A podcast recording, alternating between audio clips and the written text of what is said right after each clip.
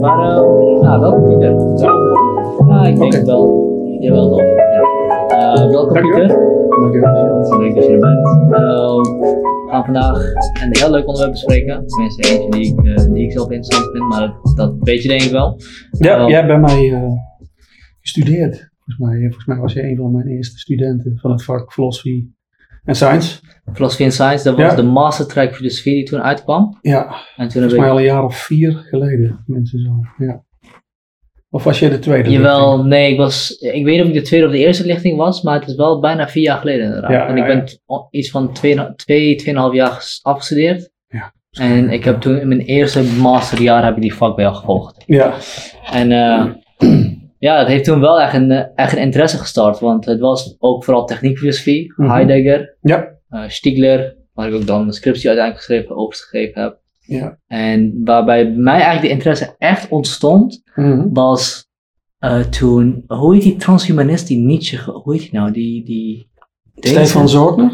Stefan Zorgner. Stefan Stefan ja. Was toen op eh, bezoek in, eh, op, de universiteit, op de universiteit, Ja, op de universiteit, en die gebruikte Nietzsche om eigenlijk te pleiten voor transhumanisme. Ja, dat Omdat. Nietzsche het over zelfverbetering en dergelijke heeft, en Ja. zelfverstijging. ja, En ik dacht, nou, volgens mij heb je, ik heb niet veel van Nietzsche gelezen, maar volgens mij heb je het echt verkeerd begrepen. Want Nietzsche's punt draait niet om functionele of eh, kwantitatieve verbeteringen in capaciteit. Het gaat om iets heel anders, om een, om een houding, om een manier naar het leven Ja. te kijken. geestelijke zelfverheffing, zeg maar. Dus ja, ik, ik denk dat er bij Stefan een beetje een verkeerde interpretatie van eh, het Ubermens-idee eh, heerst. Ja, Ja, maar dat heb jij toen ook opgepikt. En volgens mij heb je daar toen jouw... eh, ik heb daar toen een essay van het vak opgeschreven Ja, inderdaad. precies. Ik moet eigenlijk wel opzoeken, ik weet niet meer zo goed wat ik toen eh geschreven heb. Ik heb het in een redelijk, in een redelijk eh, verhitte bui geschreven, weet ik nog. ik Dat- vond het een goed stuk. mooi, mooi, dankjewel.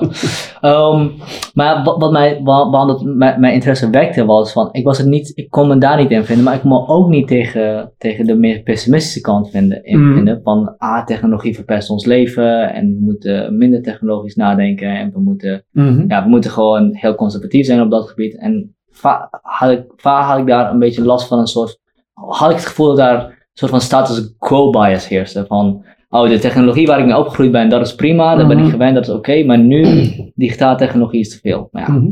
waarom zou de huizen waar je in leeft, of de überhaupt de technologische infrastructuur die jouw leven überhaupt mee mo- mogelijk maakt, en, ons eigen leven mogelijk maakt, eh, dan niet te veel technologie zijn? Mhm. Um, dus dat was een beetje toen waar mijn interesse werkelijk op stond. Van hoe kun je, kun je op de een of andere manier over technologie nadenken en over de, de, de, de rationele manier en de goede manier om daarmee om te gaan zonder te vervallen in de dichotomie meer of minder technologie. Ja, en zonder technofobisch te worden of, of, te vervallen in techniekpessimisme. Ja, Ja. ja, ja. Ehm, ja, toen hebben we het ook een tijdje over Heidegger gehad. Ja. En dat is nog altijd een van de lastigere essays, vind ik. Ik, ik, eh, ik, ik, ik heb soms het idee dat ik het wel snap, Mhm. Maar als ik het moet uitleggen, ik heb, ik heb het laatst proberen uit te leggen, dan komt er een warboel uit van, van quotes die je dan onderhouden houdt op onderdelen. En Hm. ehm, Stiegler, of Stiegler, Heidegger was mij dus ook de eerste filosoof die echt technologie als filosofisch onderwerp nam. Ja, dat is niet helemaal waar natuurlijk. Je hebt eh, in de 19e eeuw al Duitse filosofen. Eh, ik kan daar zo even niet op de naam komen. Maar eh, in het begin 20e eeuw al mensen die over techniek nadachten. Mhm. De strijd om de techniek bijvoorbeeld, is een bekend boek. Ik kan ook niet op mijn naam komen helaas nu. Maar Heidegger is de eerste filosoof die techniek echt een ontologische status gaf. En dan komt meteen weer een moeilijk woord.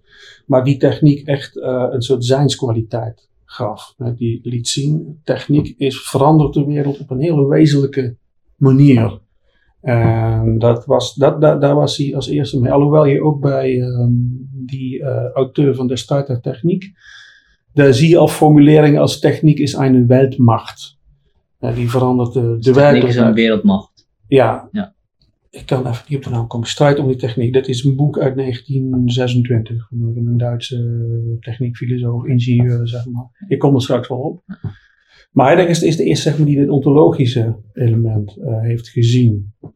Eh, en, dat, en, en, en, en dat is er uniek aan. Maar het is niet de eerste die over techniek heeft nagedacht. Je zou kunnen zeggen dat zelfs Nietzsche al een techniekfilosoof is.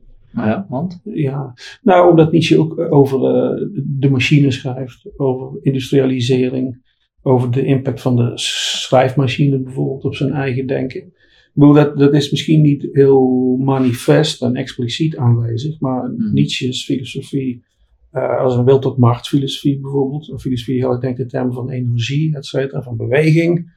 De, de, de, industriële revolutie is toch wel het in beweging komen hè, van het alledaagse leven. Dat, en het zodanig in beweging komen dat mensen dat merken in hun alledaagse leven. wat bedoel je in beweging komen van het alledaagse leven? Nou, je, zou kunnen zeggen dat uh, voor de industriële revolutie uh, veranderde de werkelijkheid niet substantieel. Hmm. Er werd af en toe wel eens een uitvinding gedaan, maar uh, de, de wereld zeg maar, van jouw vader of van jouw grootvader, die was redelijk identiek aan die van jouzelf, hmm. zeg maar.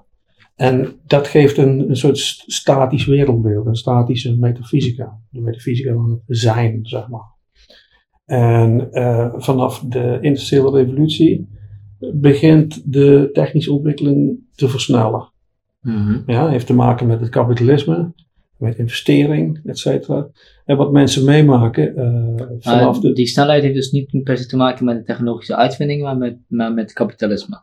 Allebei. Die, die, zijn niet los van elkaar te denken. Uh, de technologische innovatie is iets wat alleen maar gedacht kan worden als kapitaal gedreven. Zeg maar. Hmm. Dus vanaf eind 18e, begin 19e eeuw zien mensen dat het leven verandert. de landschappen veranderen, er komen steeds meer technologieën bij, het leven wordt sneller, we krijgen fabrieken, steden, uh, treinen, noem maar op. Het, het, het, verandert alleen maar snel, het accelereert zeg maar. Uh, zodanig dat uh, het leven of de werkelijkheid die, zoals je geboren bent, zeg maar, is het totaal anders dan de werkelijkheid zoals die is wanneer je zeg maar 50 of 60 ja. bent. Dus je ziet die verandering in jouw eigen bestaan voltrekken. En, en dat, dat maakt onder meer dat de werkelijkheid steeds meer gezien wordt als een proces van wording. En Nietzsche is, zou je kunnen zeggen, is, is een van de eerste die dat gezien heeft. Vind je natuurlijk ook al een klein beetje bij Hegel. Mm. En de didactiek en het feit dat ja. de synthese leidt tot een antithese die weer... Ja, ja maar bij, bij, bij Hegel is er een dialectisch proces. Hegel is, is een, een denker van de historiciteit, zeg maar. Heel erg. dat is ook weer niet de eerste natuurlijk, ze kan allemaal voorbereid andere denkers. Uh, maar bij Hegel heb je nog wel uh, de idee van een teleologie uiteindelijk. Dat er een doel is daar. Er is een doel en dat zit zelfs nog in Marx. Hè. De, uiteindelijk zal de, dat zal de geschiedenis of die dynamiek zal stoppen. Die zal een soort eindfase bereiken, een soort telos of een einddoel. Bij Hegel is dat de Duitse staat, zou je kunnen zeggen. Of, of, of de, uh, de burgerlijke staat, de liberale staat. Ik kan allerlei namen geven. Bij Marx is dat natuurlijk de communistische heilstaat, et cetera. Mhm. Maar daar wordt dat, die beweging, die dynamiek wordt nog steeds uiteindelijk gedacht vanuit een stabiliteit. Vanuit een te bereiken stabiliteit. Vandaar die teleologie. Bij Nietzsche en Heidegger verdwijnt die teleologie. Mhm. De werkelijkheid is worden. En niks dan worden. En er zit niet een doel achter. Er zit geen, geen einddoel achter. Uh, nee, dat blijft om zich eindeloos ontwikkelen. En, en Nietzsche denkt dat in termen van, van, van, van, van beeld tot macht, hè, van, van, van, allerlei antagonisme. Um, en Heidegger gaat dat denken als een soort science-geschiedenis, die uh, in, in, in, principe open is. Dus, dus door die technologische veranderingen en de, dat de wereld sneller ging veranderen en dat dat duidelijk werd in, in één mensenleven, ja. werd het idee van een stabiele wereld dat, dat veranderde naar het idee van een fluide, van een dynamische, een dynamische wereld. Ja, en dat zie je dus terug in het, in het denken van Nietzsche, in, de, ja. in het ja. Maar is het niet zo dat uh, Oosterse filosofie in principe altijd al met die, uh, in, dat, in die verandering heeft gedacht? De Oosterse filosofie? Ja. Uh, dat zou kunnen. Ik ken die Oosterse filosofie niet zo goed. maar die Oosterse filosofie speelt natuurlijk in het Westen nog niet zo'n heel grote rol. Ik zou kunnen zeggen dat die pas met Schopenhauer is binnengekomen. En dat is natuurlijk al voor Nietzsche. Maar uh, dat, dat, bedoel, dat hindoeïstische of, of, of boeddhistische kosmologieën, kosmologieën van het worden zijn, dat weet ik niet. Ik denk eerder dat dat toch ook heel uh, statische ja. kosmologie is. Ik, ik, maar ik, ik, er niet zo ik ken er te weinig van om daar, om daar ja, uitspraak over te doen. Ik snap het, ja, dat is goed. Dus uh, Nou, op een gegeven moment dus komt uh, Heidegger, die schrijft de Question Concerning Technology en die wil dus gaan proberen om de essentie van technologie te, te beschrijven. Ja, maar er zijn wel een aantal stappen te ver, denk ik. Oké. Want uh, om Heideggers techniek uh, opvatting uh, te kunnen begrijpen, moet je eerst iets begrijpen van zijn denken, zeg maar, van zijn denkenweg. En Heidegger is ja, een van de grote denkers natuurlijk mm -hmm. van, van de 20e eeuw, dat zal niemand ontkennen. Ondanks dat er heel allerlei problematische aspecten aan zitten, zeg maar, die vooral de laatste vijf jaar met het uitkomen van de Schwarze heften, de, de, de, Black Notebooks, uh, blijkt heel overduidelijk dat, dat hij nazistische sympathie had. Dat wisten we al wel, hè, maar dat blijkt nu heel duidelijk en heel expliciet. Het is allemaal heel, problematisch. Maar het is een groot denker. Een denker die de, die, die de, de hele 20e eeuwse filosofie uh, heeft bepaald en de hele traditie van de filosofie omver heeft geworpen. Waardoor, nou ja, omdat Heidegger en dat zegt hij ook van zichzelf, de eerste filosoof is die pas de eigenlijke filosofische vraag stelt. En dat is volgens Heidegger de vraag naar het zijn. En uh, dat is een vraag die in de metafysica, in de westerse traditie, nooit is gesteld. Hè, dat zegt Heidegger. Mm. Omdat uh, het westerse denken vanaf Plato en Aristoteles altijd zich gericht heeft op de zijnden. Ja. En wat, wat bedoelt hij met dat verschil tussen zijn en zijnden? Nou, zijnden zijn dingen die wij in de werkelijkheid tegenkomen Mhm. en begrijpen. Dat zijn eh, natuurlijke dingen, eh, kunstmatige dingen. Wij zelf zijn ook een soort dingen, zeg maar, allerlei objecten. Zijnden, dus de, de, zeggen, de meest algemene categorie, alles wat is, is een zijnde. Ja. En de metafysica vraagt, wat is het zijnde? Hoe moeten we dat begrijpen? Eh, en dat doet Plato, dat doet Aristoteles. En daar krijg je allerlei theorieën over, uh, categoriale theorieën over het zijnde. En die theorieën, die, uh, die, die gaat men op een gegeven moment ontologieën noemen. Uh, leren over wat het, het zijnde is. En wat betekent ontologie op zichzelf als woord? Een, een, een leer van het zijnde. Ontos is het Griekse woord voor zijnde. Mm -hmm. Voor ding, alhoewel ding niet, niet, niet het juiste zijnde, zeg maar. Dus mm -hmm. Ik weet dat het een heel abstracte term is. Voor filosofen is het, is het een hele... een gangbare term, maar je gebruikt dat in de normale omgangstaal, ja. gebruik je dat ja. vrijwel nooit. Zijn wel natuurlijk, permanent zijn er niet. Zijn er zijn uh, dingen, de ontologie is een leer van de dingen, van de meest fundamentele kenmerken, karakteristieken van uh, de dingen, zeg maar. Ja. En dan heb je idealistische ontologieën, materialistische ontologieën, et cetera. En dat doet de metafysica, houdt zich daarmee bezig. Uh, 2000 jaar lang, 2500 jaar lang, zeg maar. Ja.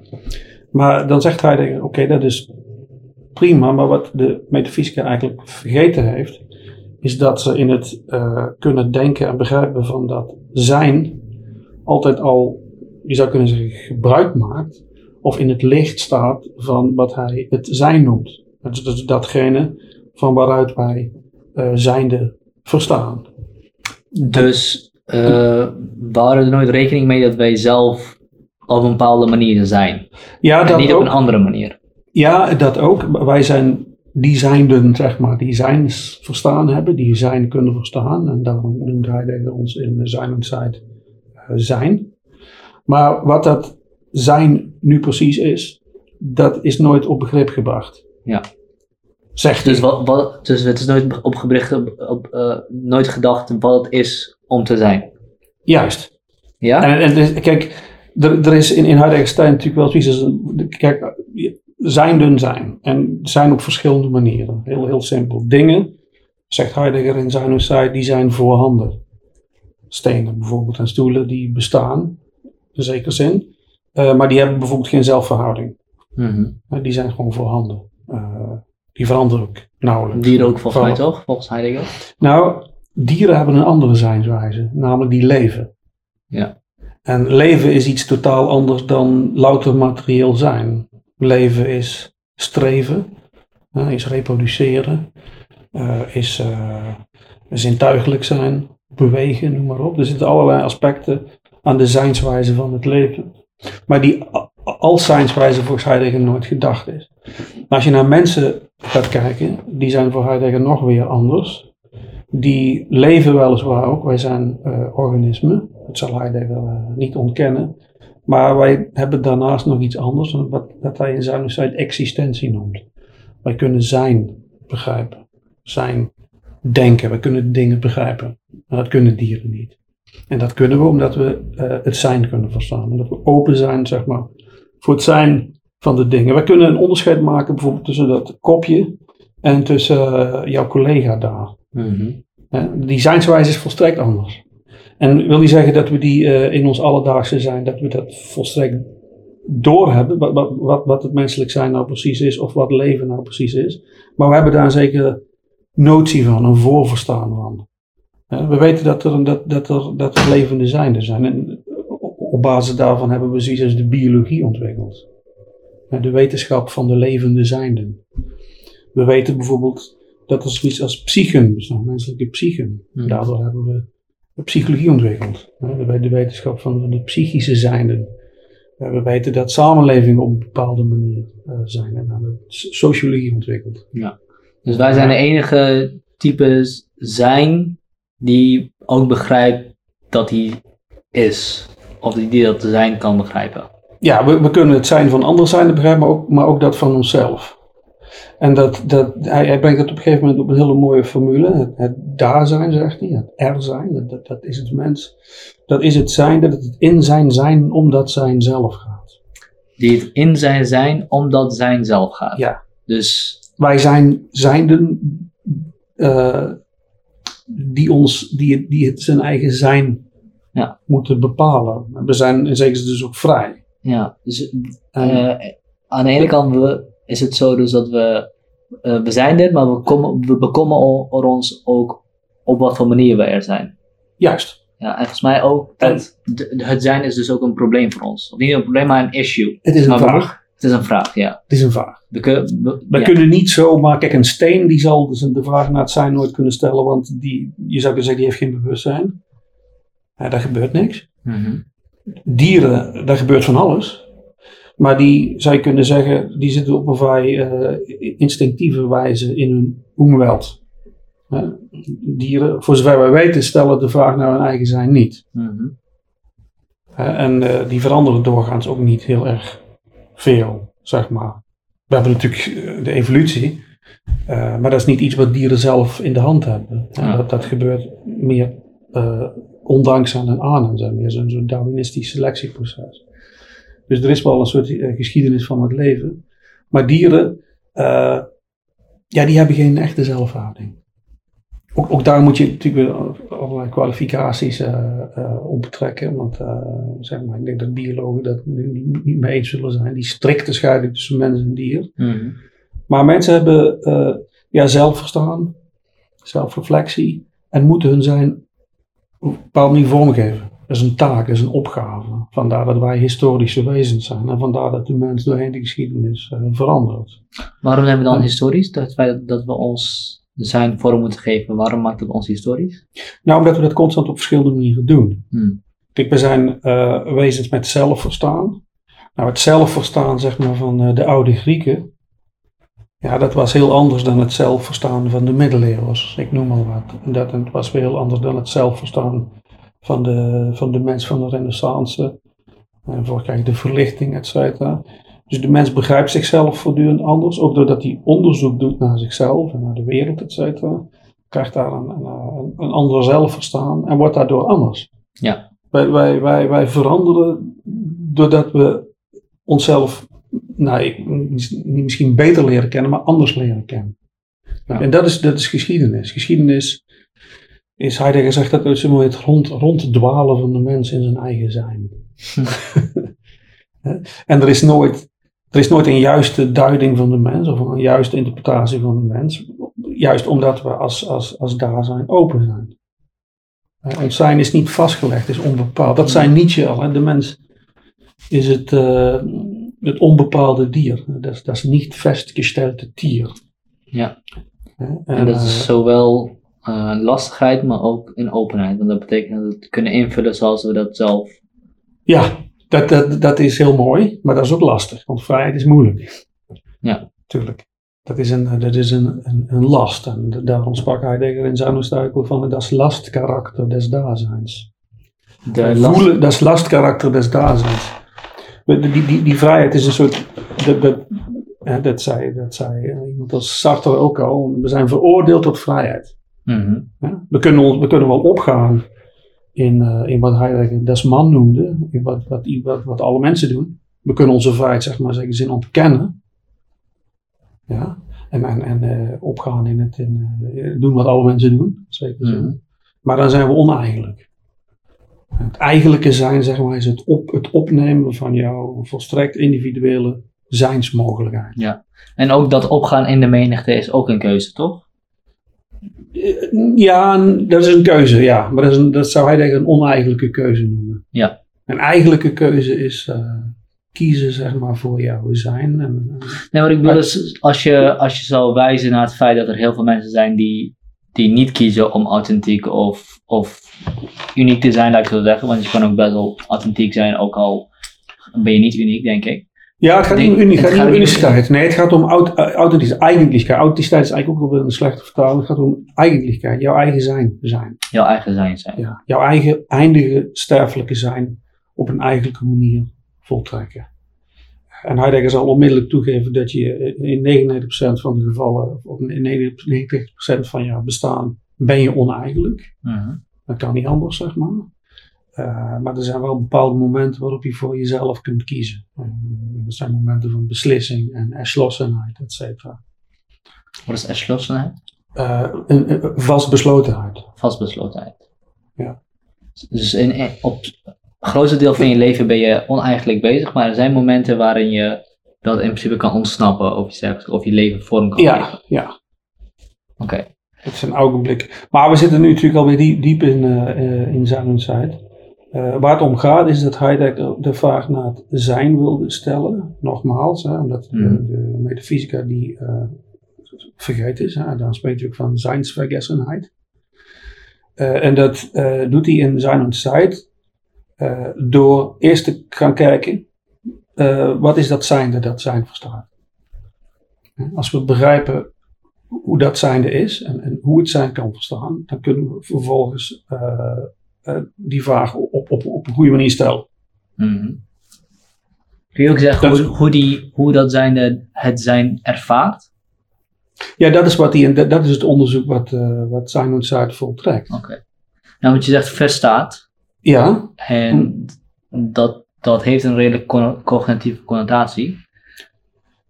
Ik begrijp wel dat hij het misschien zelf zo stelt, maar misschien. ja is, dit is, dit is, dit is, hij is geen cognitivist. Verstaan is, is, is, eh, is iets heel fundamenteels. Dat is de manier waarop jij eh, in de werkelijkheid bent en de werkelijkheid begrijpt. Mhm. Eh, en daar hoort cognitie bij, maar daar horen ook bepaalde affecten bij, zeg maar. Daar hoort ook praktische kennis bij. Daar hoort ethische inzichten, ethische kennis, et cetera, Ja. hoort bij. Dus wanneer, wanneer Heidegger het over verstaan heeft, bedoelt hij het in die spectrum In- van mogelijkheden. Ja. Van verschillende vormen van, Ja. Van, van begrijpen en verstaan. Ja. En ehm, dat, die, die titel Zijn und Zeit, die, die, die verraadt in zekere zin al dat eh, wat Heidegger doet in Zijn und Zeit, is laten zien dat zijn is eigenlijk tijd. Of, of meer precies, hij zegt wij verstaan zijn vanuit de tijd. Mhm.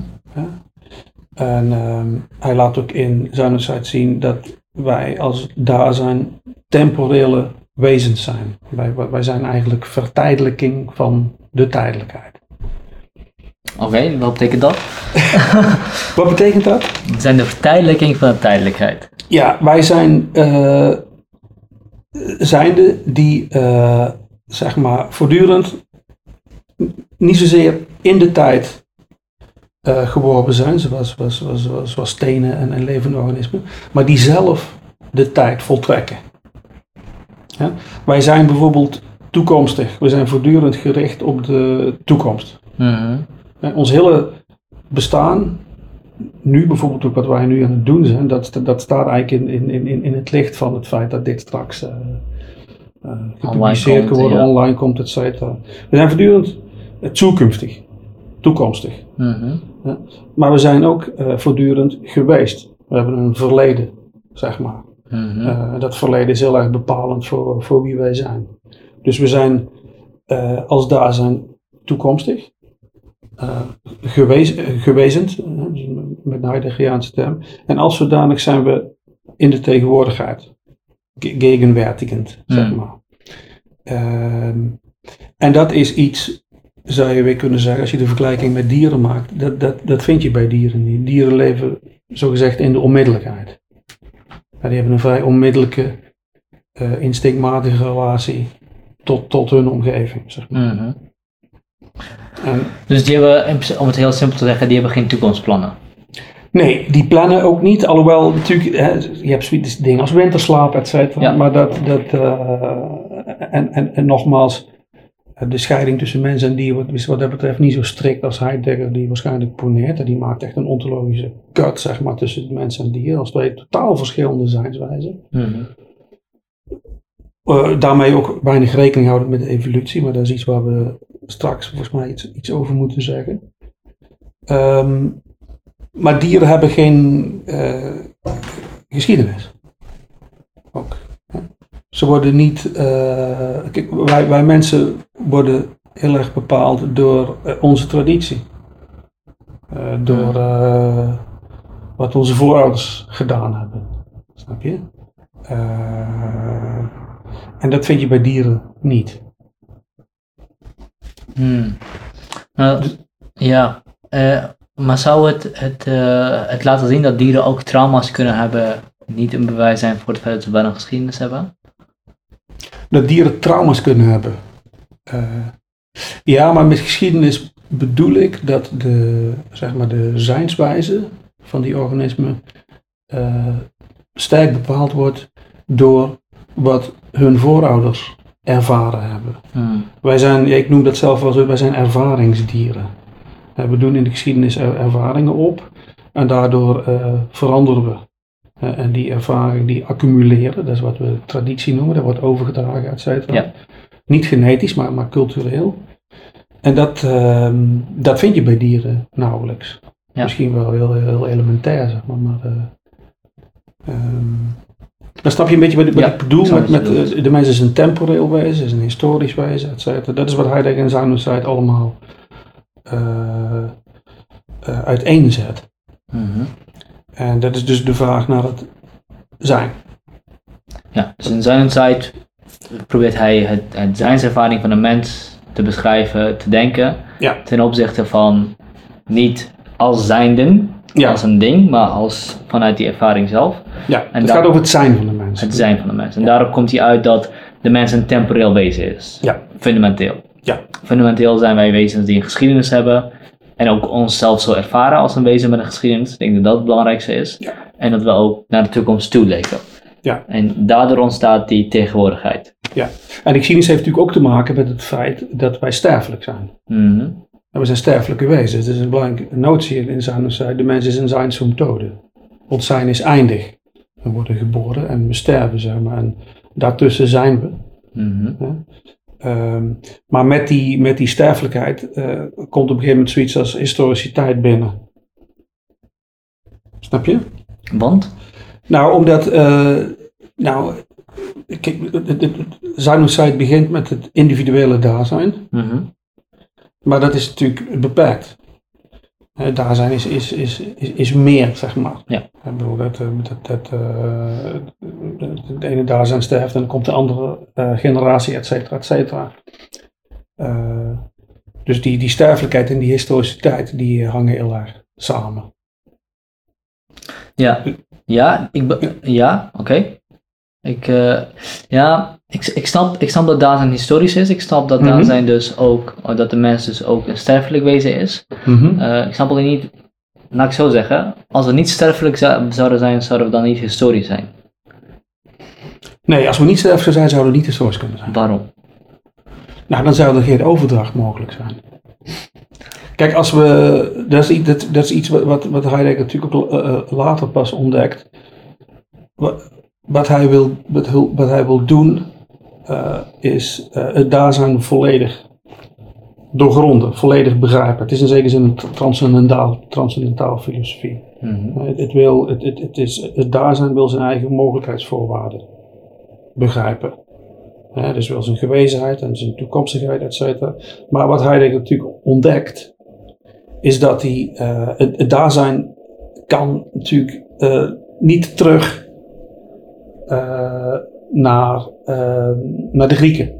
Mm. Of naar de middeleeuwen, et cetera. Dat, dat kan het zelf niet. Ja. Snap je? Ja. Maar het wordt daar wel. Dat is een, dat is een zijnswijze waar we niet meer naar terug kunnen. Ook nee, de wereld anders waar we niet, maar waar, waar, waar, we wel wezenlijk door bepaald worden. Mm -hmm. Wij zijn zoals we zijn, uh, doordat de Grieken uh, de democratie hebben uitgevonden, zeg maar. Uh, doordat in de 14e of 15e eeuw de boekdrukkunst is uitgevonden, et cetera, et cetera. we hebben een enorme culturele erfenis. Mm -hmm. Snap je? Die we, daar zijn we niet zelf veran verantwoordelijk voor. Huh? Ja. Maar het bepaalt wel de wereld waarin we leven en de ervaring die we hebben. Ja, precies. Maar we moeten die verantwoordelijkheid wel op ons nemen. Zeker zo. En wat betekent dat, om die verantwoordelijkheid op je te nemen? Nou, dat we dat moeten, dat we dat moeten dragen. Ik bedoel, we, we, zijn uh, in zekere zin, uh, ja, hoe moet je dat zeggen? Uh, we worden daardoor bepaald en we kunnen dat niet ontkennen. -hmm. Ja, op die manier. Dat, dat is het verantwoordelijkheid ervoor nemen. De bewustzijn, waar, de bewustzijn naar je geschiedenis toe, die jou de ja. zijns, zijnswereld op dit moment bepaalt. Ja. En die jouw ervaring op dit moment, op dit Ja. moment bepaalt. Ja. Oké, ja. En dat is zoiets, zowel denk ik dan ook een individueel iets, dus je eigen persoonlijke geschiedenis, maar ook de geschiedenis van de cultuur en de Ja. omgeving waar je in zit. Ja, Misschien verder nog van, de- van de wereld waar je in zit. ja, precies. Oké, duidelijk.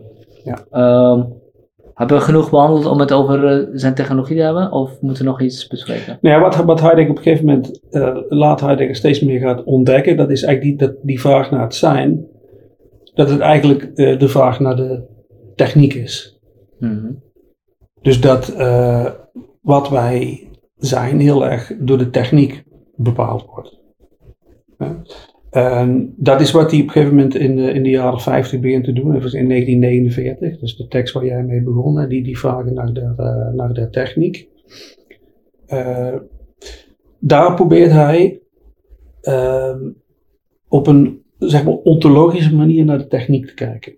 Mhm. Dus niet eh, techniek, net, niet, niet, dat zijn niet de technische dingen, de technische objecten. De technische zijnden. om De- het dat zijn niet de technische zijnden, Ja, maar dat is in zekere zin de beweging van het zijn.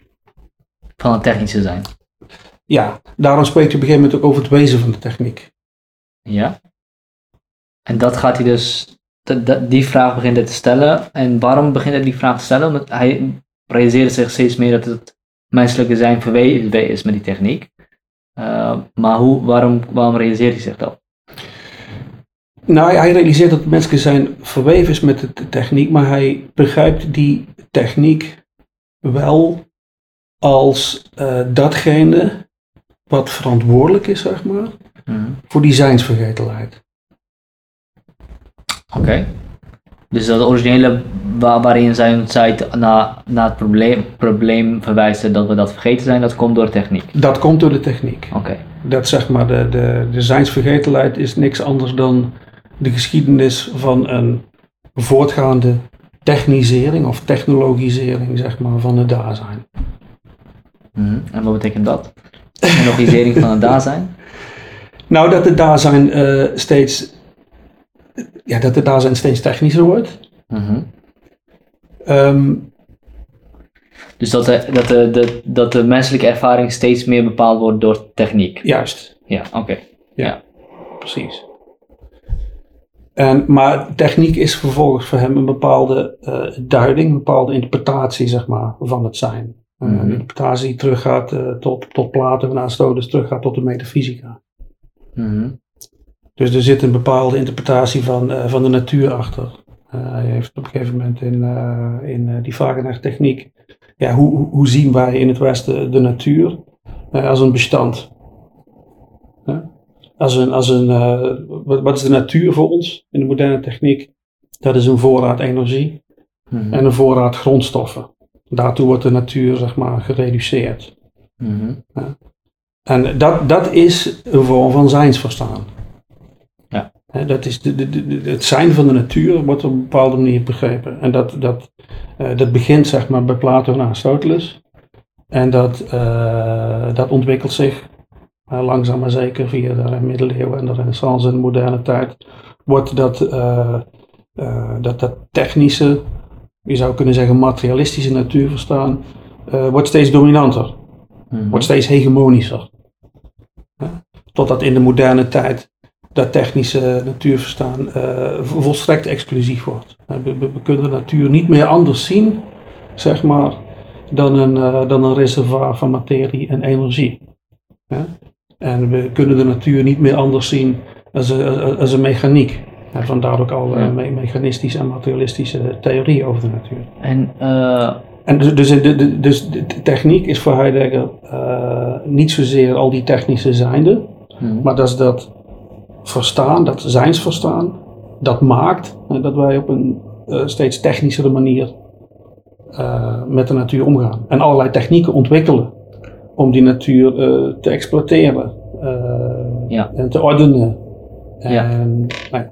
Dus, dus de reden waarom, de bepaalde, waarom er op een bepaalde manier machines gemaakt kunnen worden, is in essentie omdat we de, natuur op een bepaalde manier zien en niet op een andere manier. En die manier is dus als een reservoir van, van energie die we, kunnen, die, we, die, we, die we kunnen putten. Ja, uh, energiematerie. Ja. Energiematerie. Ja. En, uh, en om die reden is technologie dus in essentie niet de dingen die we zien, maar die, die zijn verstaan. Die manier van, van te kijken, van, van, de, van de natuur ervaren. Ja, en, da, en, da, en dat, is, dat, is, dat is zijn. Dat is, on, dat, dat is ontologie. Ja. dus, uh, en en die, die, die, die, die, die concrete technische zijnde zijn eigenlijk een soort gevolgen, zeg maar. Dat is echt, zo ziet Heidegger dat. De, de, de, de machine is een soort gevolg van die, van, die, van die technische interpretatie van de natuur. En dat geldt ook voor, voor Heidegger voor digitale technieken. Een natuur uh, ja, die, die je wilt exploiteren is een natuur die, die op een gegeven moment ook uh, gecontroleerd wil worden. Uh, dat betekent gekwantificeerd, gecontroleerd, et cetera. Mm um, ja, dat, dat, Wat zou een andere soort zijns, zijnsverstaan zijn van de natuur die niet zoals dit is, waarin het geen bestand is zoals je het noemde? Nou, bijvoorbeeld een, een, een, een, panpsychisch verstaan, zeg maar, uh, waarbij de natuur uh, zelf een bewustzijn heeft. Of een animistische natuurverstaan, waarbij de natuur begrepen wordt als, als, als, uh, als, als een eigen subjectiviteit hebben. Maar. hmm. de dan, als geheel heeft, heeft, dan een eigen subjectiviteit of een eigen ja. Ja, ja, ja, ja. En dan of, zou dan... Of, of, of de, ook, ook de natuur als schepping, zeg maar, in, in, in, de, in de christelijke metafysica uh, is de natuur nog niet een reservoir van materie en energie. Natuurlijk. Maar dat, is een, dat heeft God geschapen. Dat is God een... heeft wel geschapen voor Adam en Eva om daar uit te nemen wat ze willen. Precies. Ja. Kijk, en er zit in Heidegger iets in van. Um, Heidegger schrijft in de, in, de, in, de, in de 20e eeuw, midden van de 20e eeuw. Hij ziet die enorme industrialisering en die technologisering. Hij ziet dat dat, uh, dat, dat steeds dominanter wordt, zeg maar. Mm -hmm. Maar wat hij ook ziet, is dat dat, of, of waar hij van uitgaat, is dat dat op een of andere manier begonnen is, of voorbereid is, bij de oude Grieken. Ja. Want dat, dat is onze traditie. Dat, dat, dat die, die 2500 jaar zijnsgeschiedenis, dat is waar hij naar kijkt, zeg maar. Het zijn zelf heeft een geschiedenis. Niet alleen het individuele daar zijn heeft een geschiedenis, maar onze hele traditie, het zijn zelf is één grote geschichte. Ja? En um, dus wat hij dan probeert te doen is, het begint bij de Grieken, maar uh, die, die designsgeschiedenis, wat je daarin ziet, is dat dat technische denken steeds uh, sterker wordt, steeds mm -hmm. dominanter wordt, steeds mm -hmm. krachtiger wordt. En dat ziet hij als een vervalsgeschiedenis. De, die designsgeschichte, uh, dat is een vervalsgeschiedenis van een, van een oorspronkelijke openheid die je bij, bij Heracleitos en Parmenides nog hebt. De vraag naar het zijn. De Grieken waren verwonderd over het zijn van de zijnden. Doordat ze het zijn begrepen. Dat is een soort magisch moment, het Griekse wonder. Vervolgens zijn ze dat zijn gaan begrijpen, gaan duiden, theorieën erover gaan bedenken, et cetera. Mm -hmm. uh, en dan begint die westerse traditie. Ja, want de volgende generatie gaat daarop reageren. En, en gaat betere andere ja. theorieën bedenken, et cetera. En je ziet een soort, um, ja, een soort, uh, hoe moet je dit zeggen, een soort, ja, metafysisch ver verhardingsproces. Mm. Snap je? Die openheid naar het, het, het, het zijn toe en naar het zijn ertoe, uh, die wordt steeds meer gesloopt. En dat is wat de metafysica van Heidegger is. Ja. Tot, tot, tot, tot in onze moderne tijd. Uh, dat ons, ons, ons denken over de natuur is volkomen technisch. We, we, we kunnen op geen, geen, geen, andere manier meer uh, over onszelf, over de natuur, over, over de kosmos, et cetera, denken dan technisch, mathematisch. Ja. En zou je, en zou, je, zou je kunnen zeggen dan, zou je, zou je ook kunnen zeggen dat uh, ons begrijpen steeds beter is geworden, zo goed is geworden dat het dan andere bezijdwijzen of uh, verstaanswijzen eigenlijk neutraliseert? Want je, je noemt ja, het, ja, precies. Het is, gesloten, het, is het, is, het, het, is van openheid naar geslotenheid gegaan. Dat is eigenlijk wat je zegt. Er is één mogelijkheid overgebleven. Ja. Maar wat je ook kan zeggen is dus dat één mogelijkheid het succesvolste is gebleken. Ja, dat, dat, zo, zo, zo kun je dat zien. Maar dat is niet zo zoals Heidegger dat ziet. Hmm. Uh, voor Heidegger, uh, voor hem is dat gewoon een soort een ontrolling of een ontvouwing. Zeg maar, datgene wat uh, bij, de, bij, de, bij de oude Grieken is, is ontworpen, voor het eerst is gedacht. Dat wordt eigenlijk gerealiseerd, zeg maar, hmm. in, de, in de westerse traditie, in de westerse geschiedenis. Ja, en zo ziet hij de technische werkelijkheid ook niet anders als een realisering of een concretisering of als een verwerking of, of een verwezenlijking zeg maar, van het metafysische ontwerp, het metafysische denken van de natuur. De hele westerse traditie is een verwezenlijking van dat, van dat metafysische ja. denken. In, in, in, in, onze, in onze techniek concretiseert ons technische verstaan zich. Mm-hmm. Ik bedoel, de informatisering en, en computerisering is natuurlijk al voorgedacht in Leibniz. Als Leibniz uh, op een gegeven moment zegt van uh, als God rekent, dan is de wereld, hè, cum deus calculat mundus fit. Daar zit al, daar zit al een, een, een, een mathematische, calculatieve idee van de werkelijkheid in. Mm, ja, ja. En ja. bij Hegel, als Hegel het, het heeft over het absolute weten. Ja, dat is iets wat wij aan het realiseren zijn, zeg maar, in, in, in onze digitale technologie. Dus, dat, dat, en, en internet en, en, en de informatisering en, en, de algoritmisering en big data, dat, dat, dat, dat, is niks anders dan, dan, dan, de verwerkelijking, concreet, zeg maar. De materialisering van In- dat denken. Van dat, van dat, van, Van, van dat denken. Dat, dat, ja. dat is Heideggers opvatting. Hè? Mhm. Ja, duidelijk. En eh, dat ik, eh, ik meen me ook te herinneren dat, dat hij ook wel een switch maakt of een, of een cut maakt tussen het, het denken over natuur bij de Grieken en het denken over natuur dat we met de moderne technologie hebben. Ja, natuurlijk. Ja, ja.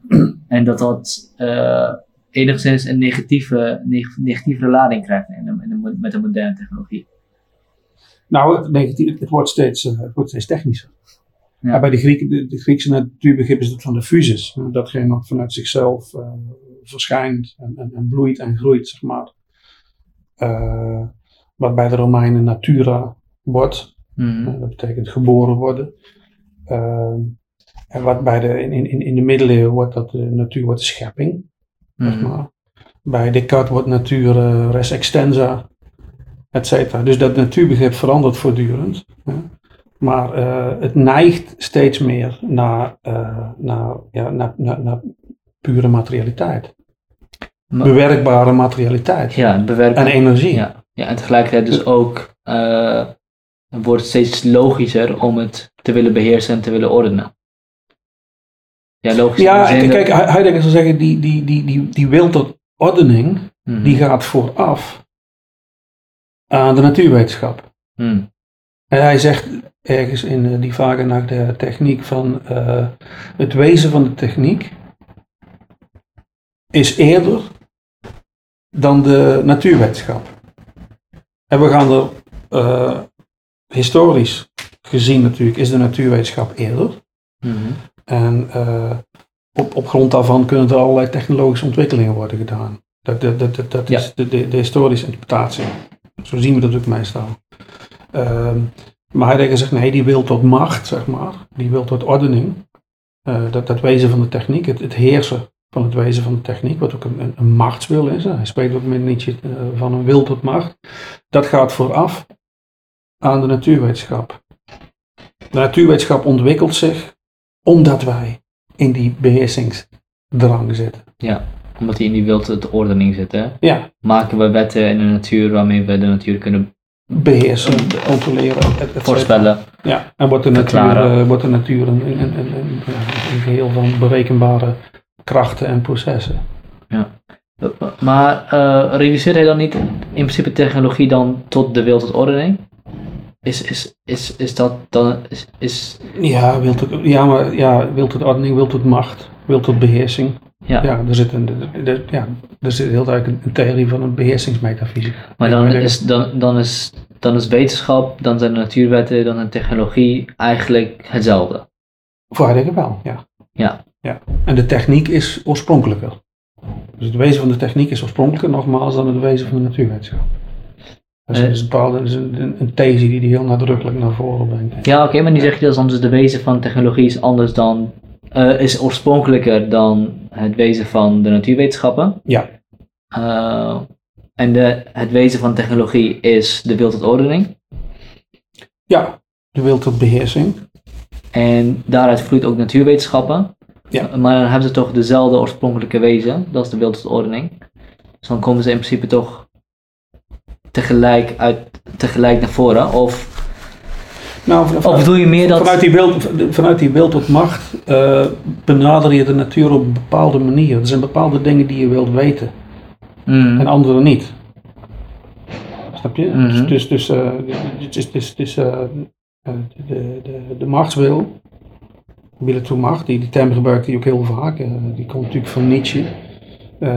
die bepaalt hoe wij de natuur op de pijnbank leggen. Hè, hoe wij met de natuur experimenteren. Wat wij daar precies van willen weten. Mm. Je, je, kunt, je, je, kunt ook een, uh, aan een andere natuurwetenschap denken, zoals die bijvoorbeeld die van Goethe. Die, die, die heel erg gebaseerd is op de, op de directe ervaring. En op het tot je laten inwerken van kleuren en geuren, et cetera. Uh, er is een, er is iets als een romantische fysica geweest, een romantische biologie geweest, die, die, die, die een heel andere methodologie heeft, waardoor de natuur op een heel andere manier tevoorschijn komt. Ja. Snap je? Maar die wordt steeds meer, dat, dat is Heidegger's these. Je kunt natuurlijk afvragen of dat, of dat klopt, maar Heidegger's these is dat die alternatieve natuurervaringen, dat die steeds meer worden verdrongen, mm -hmm. zeg maar, uh, door die mathematisch-technische uh, natuurduiding. Ja. En vooral is het belangrijk om dit te beseffen als, als daar zijn zijnde, omdat je de verantwoordelijkheid moet nemen voor die geschiedenis zoals hij in zijn tijd geschreven heeft.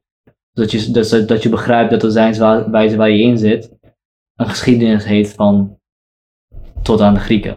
Ja. Geloof ik. Dan. Ja. En dat wij dat, uh, uh, dat wij dat veelal uh, als moderne mens voltrekken, zeg maar, zonder daar onszelf zozeer van bewust te zijn. Want wat is het wezen van de techniek? Ik, leg daar zelf altijd de nadruk op. Dat is bij Heidegger in de meest fundamentele zin een imperatief. Mm -hmm. Wij worden door het zijn, zoals hij dat noemt, opgeroepen, besteld, gedwongen, hoe je dat ook wilt noemen, om de werkelijkheid te ordenen, in kaart te brengen, alles steeds efficiënter te doen, nieuwe technologieën te ontwikkelen, te innoveren, et cetera, et cetera.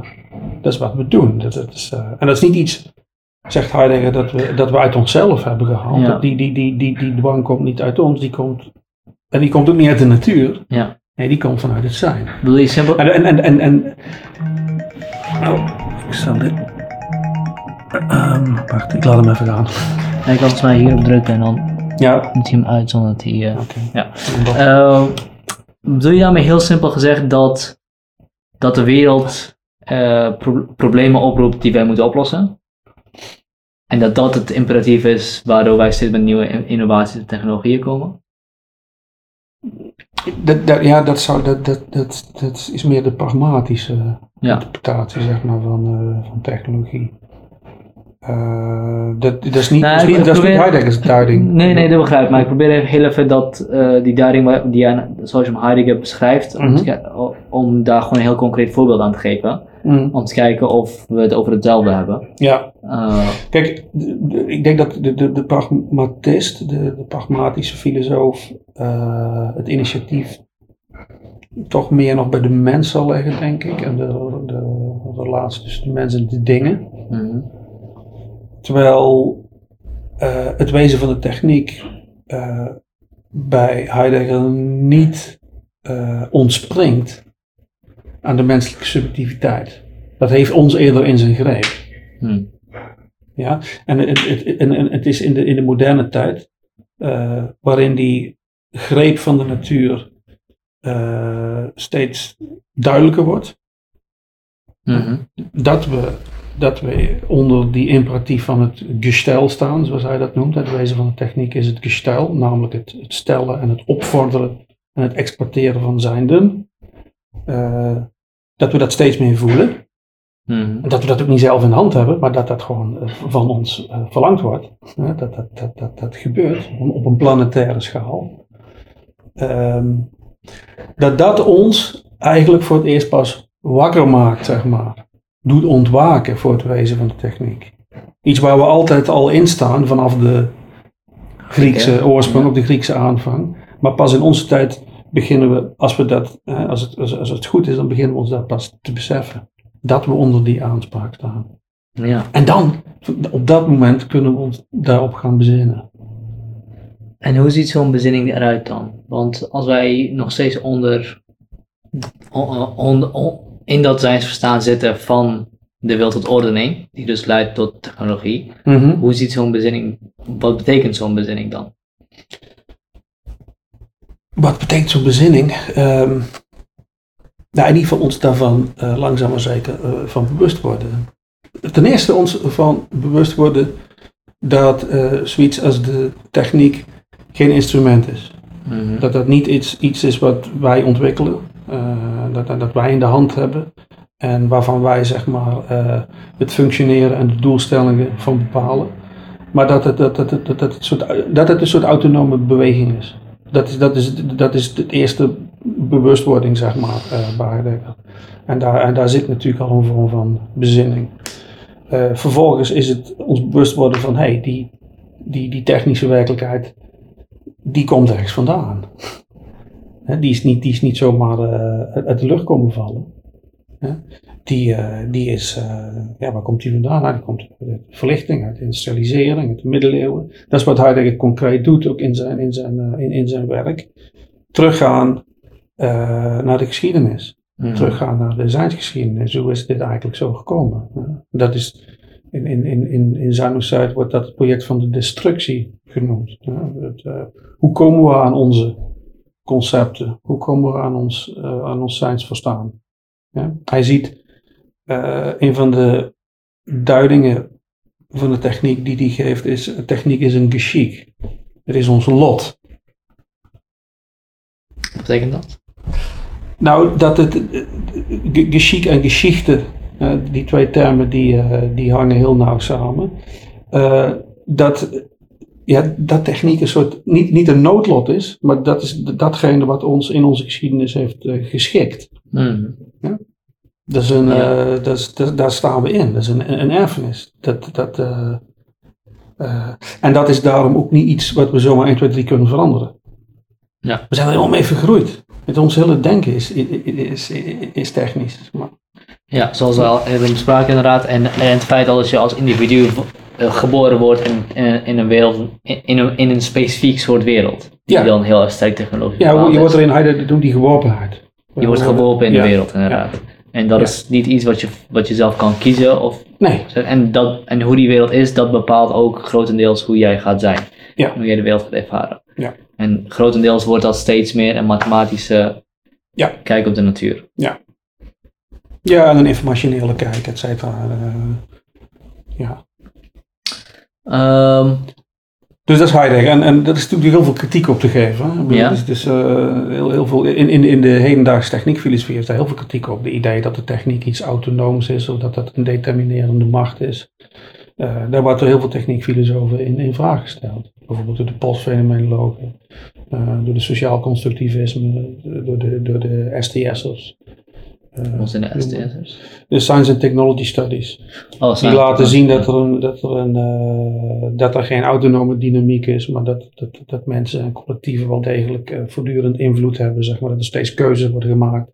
En dat die hele massieve uh, zijnsgeschichte van Heidegger, dat dat, ja, dat het een illusie is. Daar is, er is heel veel kritiek op. Maar ik zelf vind die, die, die Heideggeriaanse diagnose wel echt plausibel. Mm En waarom? Uh, uh, Tenminste, in, in, in grote lijnen. Ja. Maar goed. ja. Wat blijft er over? Dus er is heel veel kritiek op, maar wat, wat blijft er dan van waarde over van Heideggers theorie en, en beschrijving, ontologie, technologische ontologie? Nou, bij die mensen heel weinig, denk ik. Uh, er is wel zoiets nog. Uh, Heidegger heeft natuurlijk een fenomenologie ontwikkeld. Mm die wordt vaak nog wel toegepast. Daar wordt vaak nog wel naar gekeken. Uh, maar de Heideggers techniekanalyse wordt voornamelijk verworpen. dus er wordt niet op, op voortgeborduurd, zeg maar. ja, dat begrijp ik wel. Dus wat als jij, je, zegt dat je zelf namelijk wel het meeste nog, nog of, of in grote lijnen nog steeds achter Heideggers idee staat, maar zoals je het zegt, klinkt het alsof je er wel een deel van die kritiek van de, van de hedendaagse techniekfilosofie meeneemt. Wat ik dan benieuwd naar ben is. Ja, ik denk dat dat, dat hele massieve, uh, monolithische, dat, dat, uh, wat je bij Heidegger eigenlijk vindt, dat dat inderdaad niet vol is te houden. Mm uh, en dat Heidegger onvoldoende, maar dan komen we langzaam bij, bij Stiegler. Mm Ik weet niet of we daar al naartoe zijn. Ja, tenzij je denkt dat er nog... Uh, ja, ik kan er veel meer over Heidegger zeggen natuurlijk, maar dat Heidegger echt toch wel onvoldoende aandacht geeft voor concrete technieken. Daar was natuurlijk helemaal niet op gericht, het interesseerde hem ook heel weinig. Het ging hem over het wezen van de techniek, over het ontologische, het zijn van de techniek. maar dat hij zich onvoldoende realiseerde dat het technische zijnde zelf ook invloed heeft op hoe wij uh, de natuur begrijpen. Dus, op, dus het technische zijnde heeft zelf invloed op het technische zijnsverstaan. En dan komen we langzaam zeg maar meer in een soort Stigleriaans verhaal. Ja, inderdaad. Dat, dat klinkt wel erg. Zoals ik Stigler gelezen heb. Alsof, ja. Want is het ook dan ook Stiglers reden waarom die op reageert op Heidegger? Dat, is, dat, is dit de specifieke relatie van hem? Ja. Um, je weet dat Stiglers hoofdwerk heet uh, La technique et le temps. De techniek en de tijd. Techniek en de tijd. En dat is natuurlijk ook een verwijzing naar zijn und Zeit. Heidegger is zijn und Zeit. Uh, het uh, zijn is tijd. En zijn moet begrepen worden vanuit de tijd. Is temporalisering, is, is historiciteit, is geschichtelijkheid, et cetera.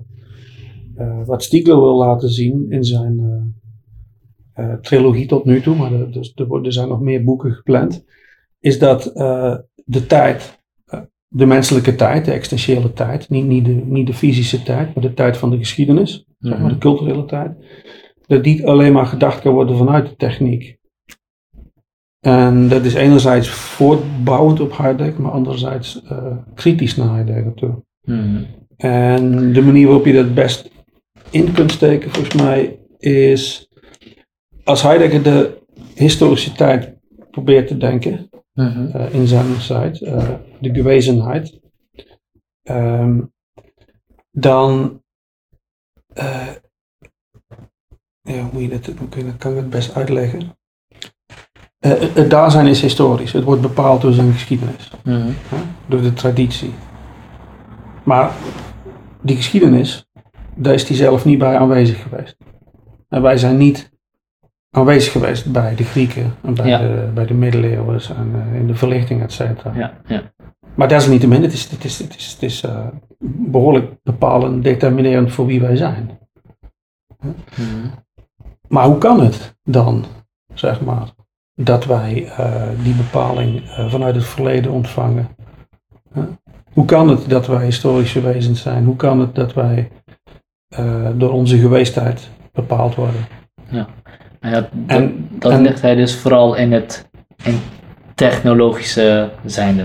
technisch Ja, dan, ja da- en dan, dan komt Stiegler eigenlijk, eigenlijk een vrij eenvoudige gedachte van ja, maar hoe, hoe- kunnen wij in, in het verleden aanwezig zijn en hoe kan het verleden zeg maar doorwerken tot in onze tijd? Ja, dat kan alleen maar door techniek. Mhm.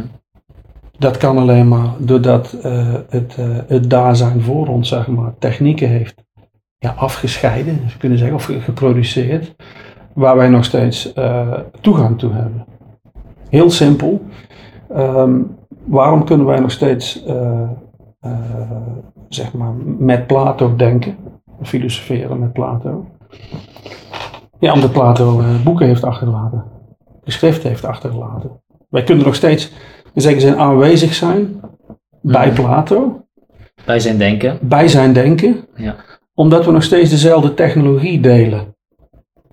Eh, dan- moet je het schrift denken als een technologie.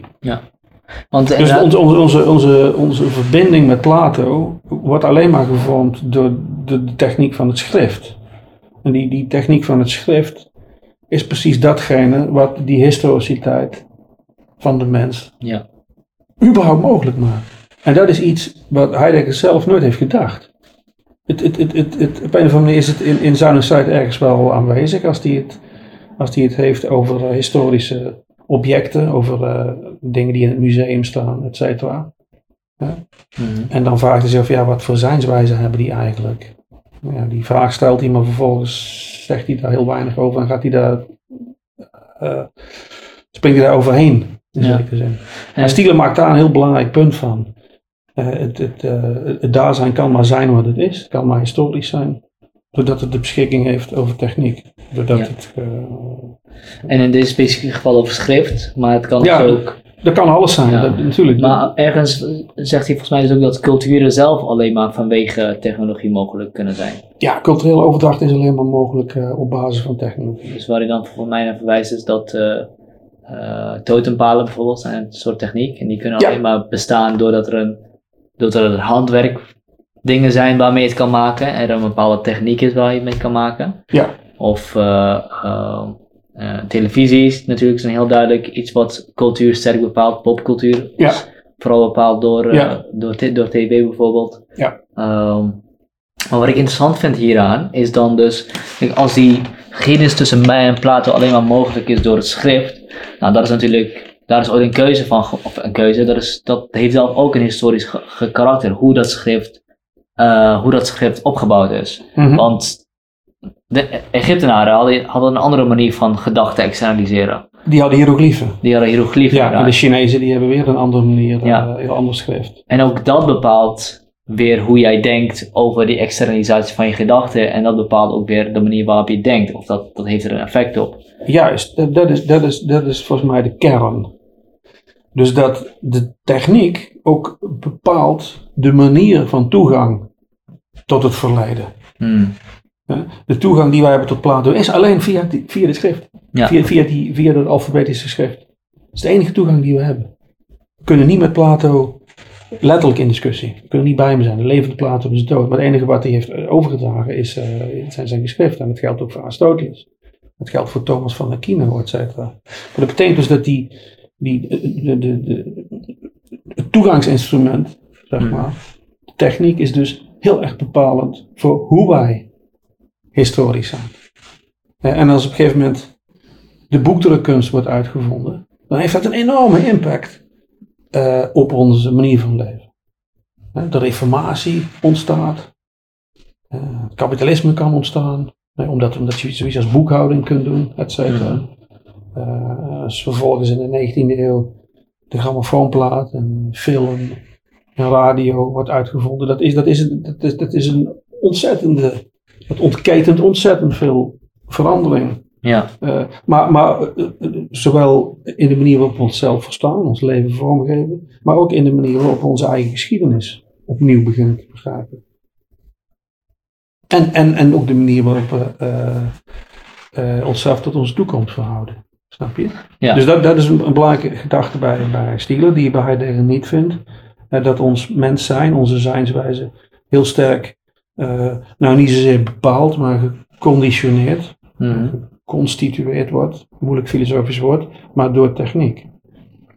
Ja, uh, door ook specifieke technologieën. Door specifieke ja, door, door, door, die, die altijd een specifieke aard hebben. Kijk, um, het, het alfabetische schrift uh, is natuurlijk een hele bijzondere vorm van, uh, van schrift. Je had het net al over de hieroglyphen. Mm. En toen noemde ik het Chinese karakterschrift. Maar wat uh, zo uniek is aan het alfabetische schrift, is dat het, uh, en dat is een moeilijk Stiliaans woord, dat het orthothetisch is. Het kan wat wij zeggen, het kan het spreken, mm. op een exacte manier reproduceren. Mm Omdat het fonetisch is. Elke klank die ik uitspreek en die uh, in orale zin is dat iets continuus, zeg maar. Mm wat, wat, we nu aan het doen zijn. En dankzij uh, deze registratietechniek uh, kunnen we die continuïteit weer vangen. Maar het alfabet is een, is een manier hè, om met 26 fonetische tekens of ik weet niet. 24 toch? 24, ja. Inmiddels. Ligt aan welke taal je zet. Maar... Ligt aan welke taal je zet, maar in het Grieks waren volgens mij 26. Met die 26 tekentjes mm. hè, kun je uh, het spreken registreren en daarmee vastleggen. Maar op een orthothetische manier. Je kunt precies. Precies, ja. Exact hè, uh, is het geregistreerd. Uh, en het kan dus ook exact overgedragen worden. En dat opent de mogelijkheid van interpretatie. Van interpretatie of van overdracht van denken? Van overdracht enerzijds, maar ook van, van interpretatie. want wat er vervolgens uh, gebeurt met de teksten van Plato en Aristoteles is dat ze geïnterpreteerd worden. Door ah, Cicero, door, door, door Epicurus, etc.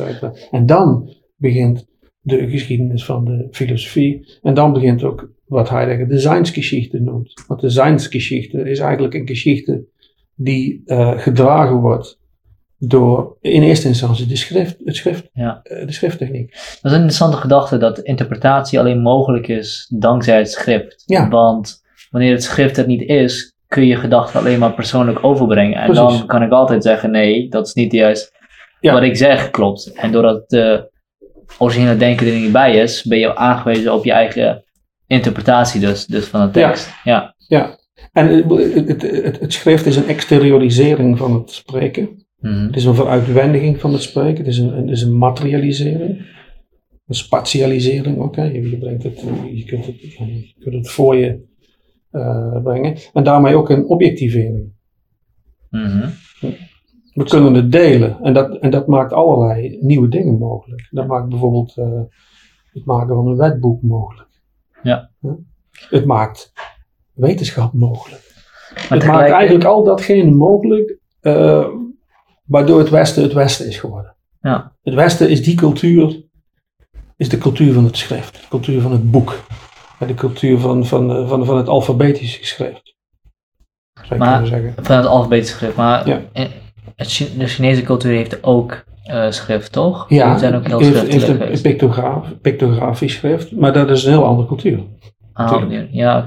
Tot, tot, tot op het moment dat ze in contact komen met de westerse cultuur, dan krijg je natuurlijk allerlei uh, uitwisselingen, et cetera. en, en, en, met name een enorme invloed van het Westen.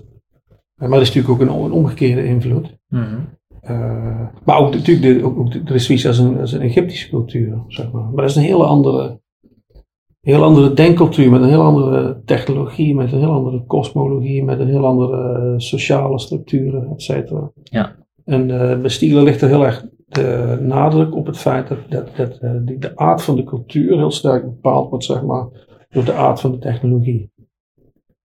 Ja, van de, ja, van specifieke technologieën die er zijn. Ja. En uh, je zei schrift is een externalisering van, van het denken. Uh, is het van het, ja, van, van, van, het, van het spreken. Van het spreken. En is bij Stiegler niet per definitie technologie een externalisering van... Ja, ja maar dan, moeten we, dan, gaan we nog, dan, dan moeten we verder terug. Kijk, iemand als Heidegger gaat niet veel verder terug dan de Grieken.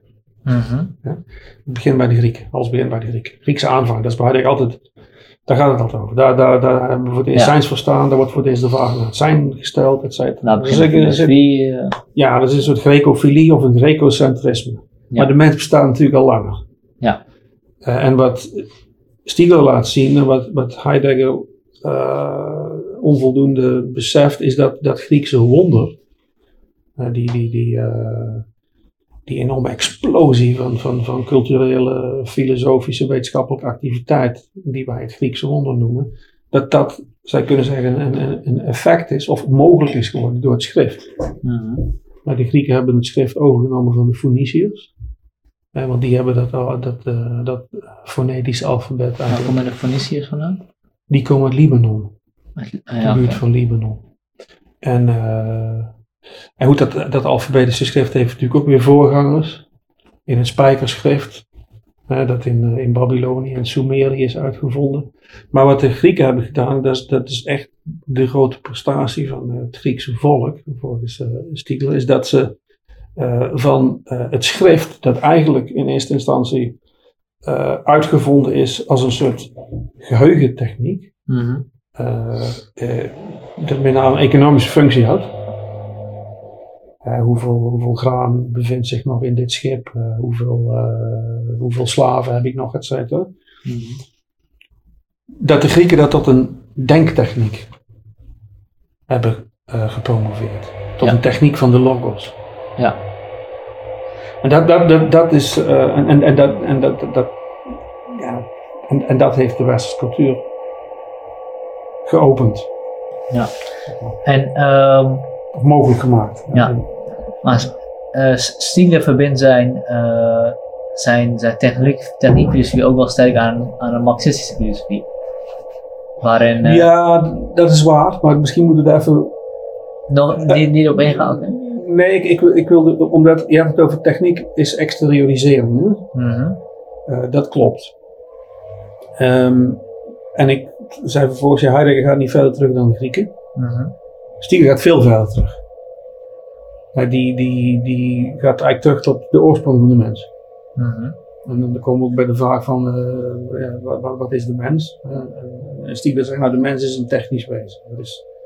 Eh, de mens is een wezen dat geboren is uit techniek. Of geboren is uit, uit technische exteriorisering. Want het is natuurlijk niet begonnen met het schrift. Het schrift is een vrij late uitvinding. Ehm, ja, het schrift is een techniek die speciaal is uitgevonden om herinneringen vast te houden. Mhm. Maar eh, voorafgaand aan de Grieken heb je natuurlijk eh, allerlei andere culturen. En, eh, je hebt de prehistorie.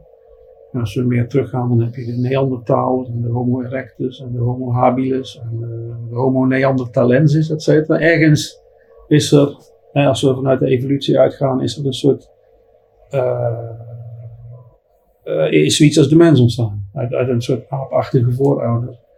En eh, de, de these bij Stiegler is dat de techniek daar ook een wezenlijke rol speelt. En dan hebben we het natuurlijk niet over schrifttechniek, maar in eerste instantie over steentechniek. Ja. Wat, wat, we als, als, eh, wat onze aapachtige voorouders voor het eerst zijn gaan exterioriseren, of ervaring die ze zijn, zijn gaan exterioriseren, is natuurlijk het ontwikkelen van stenen werktuigen.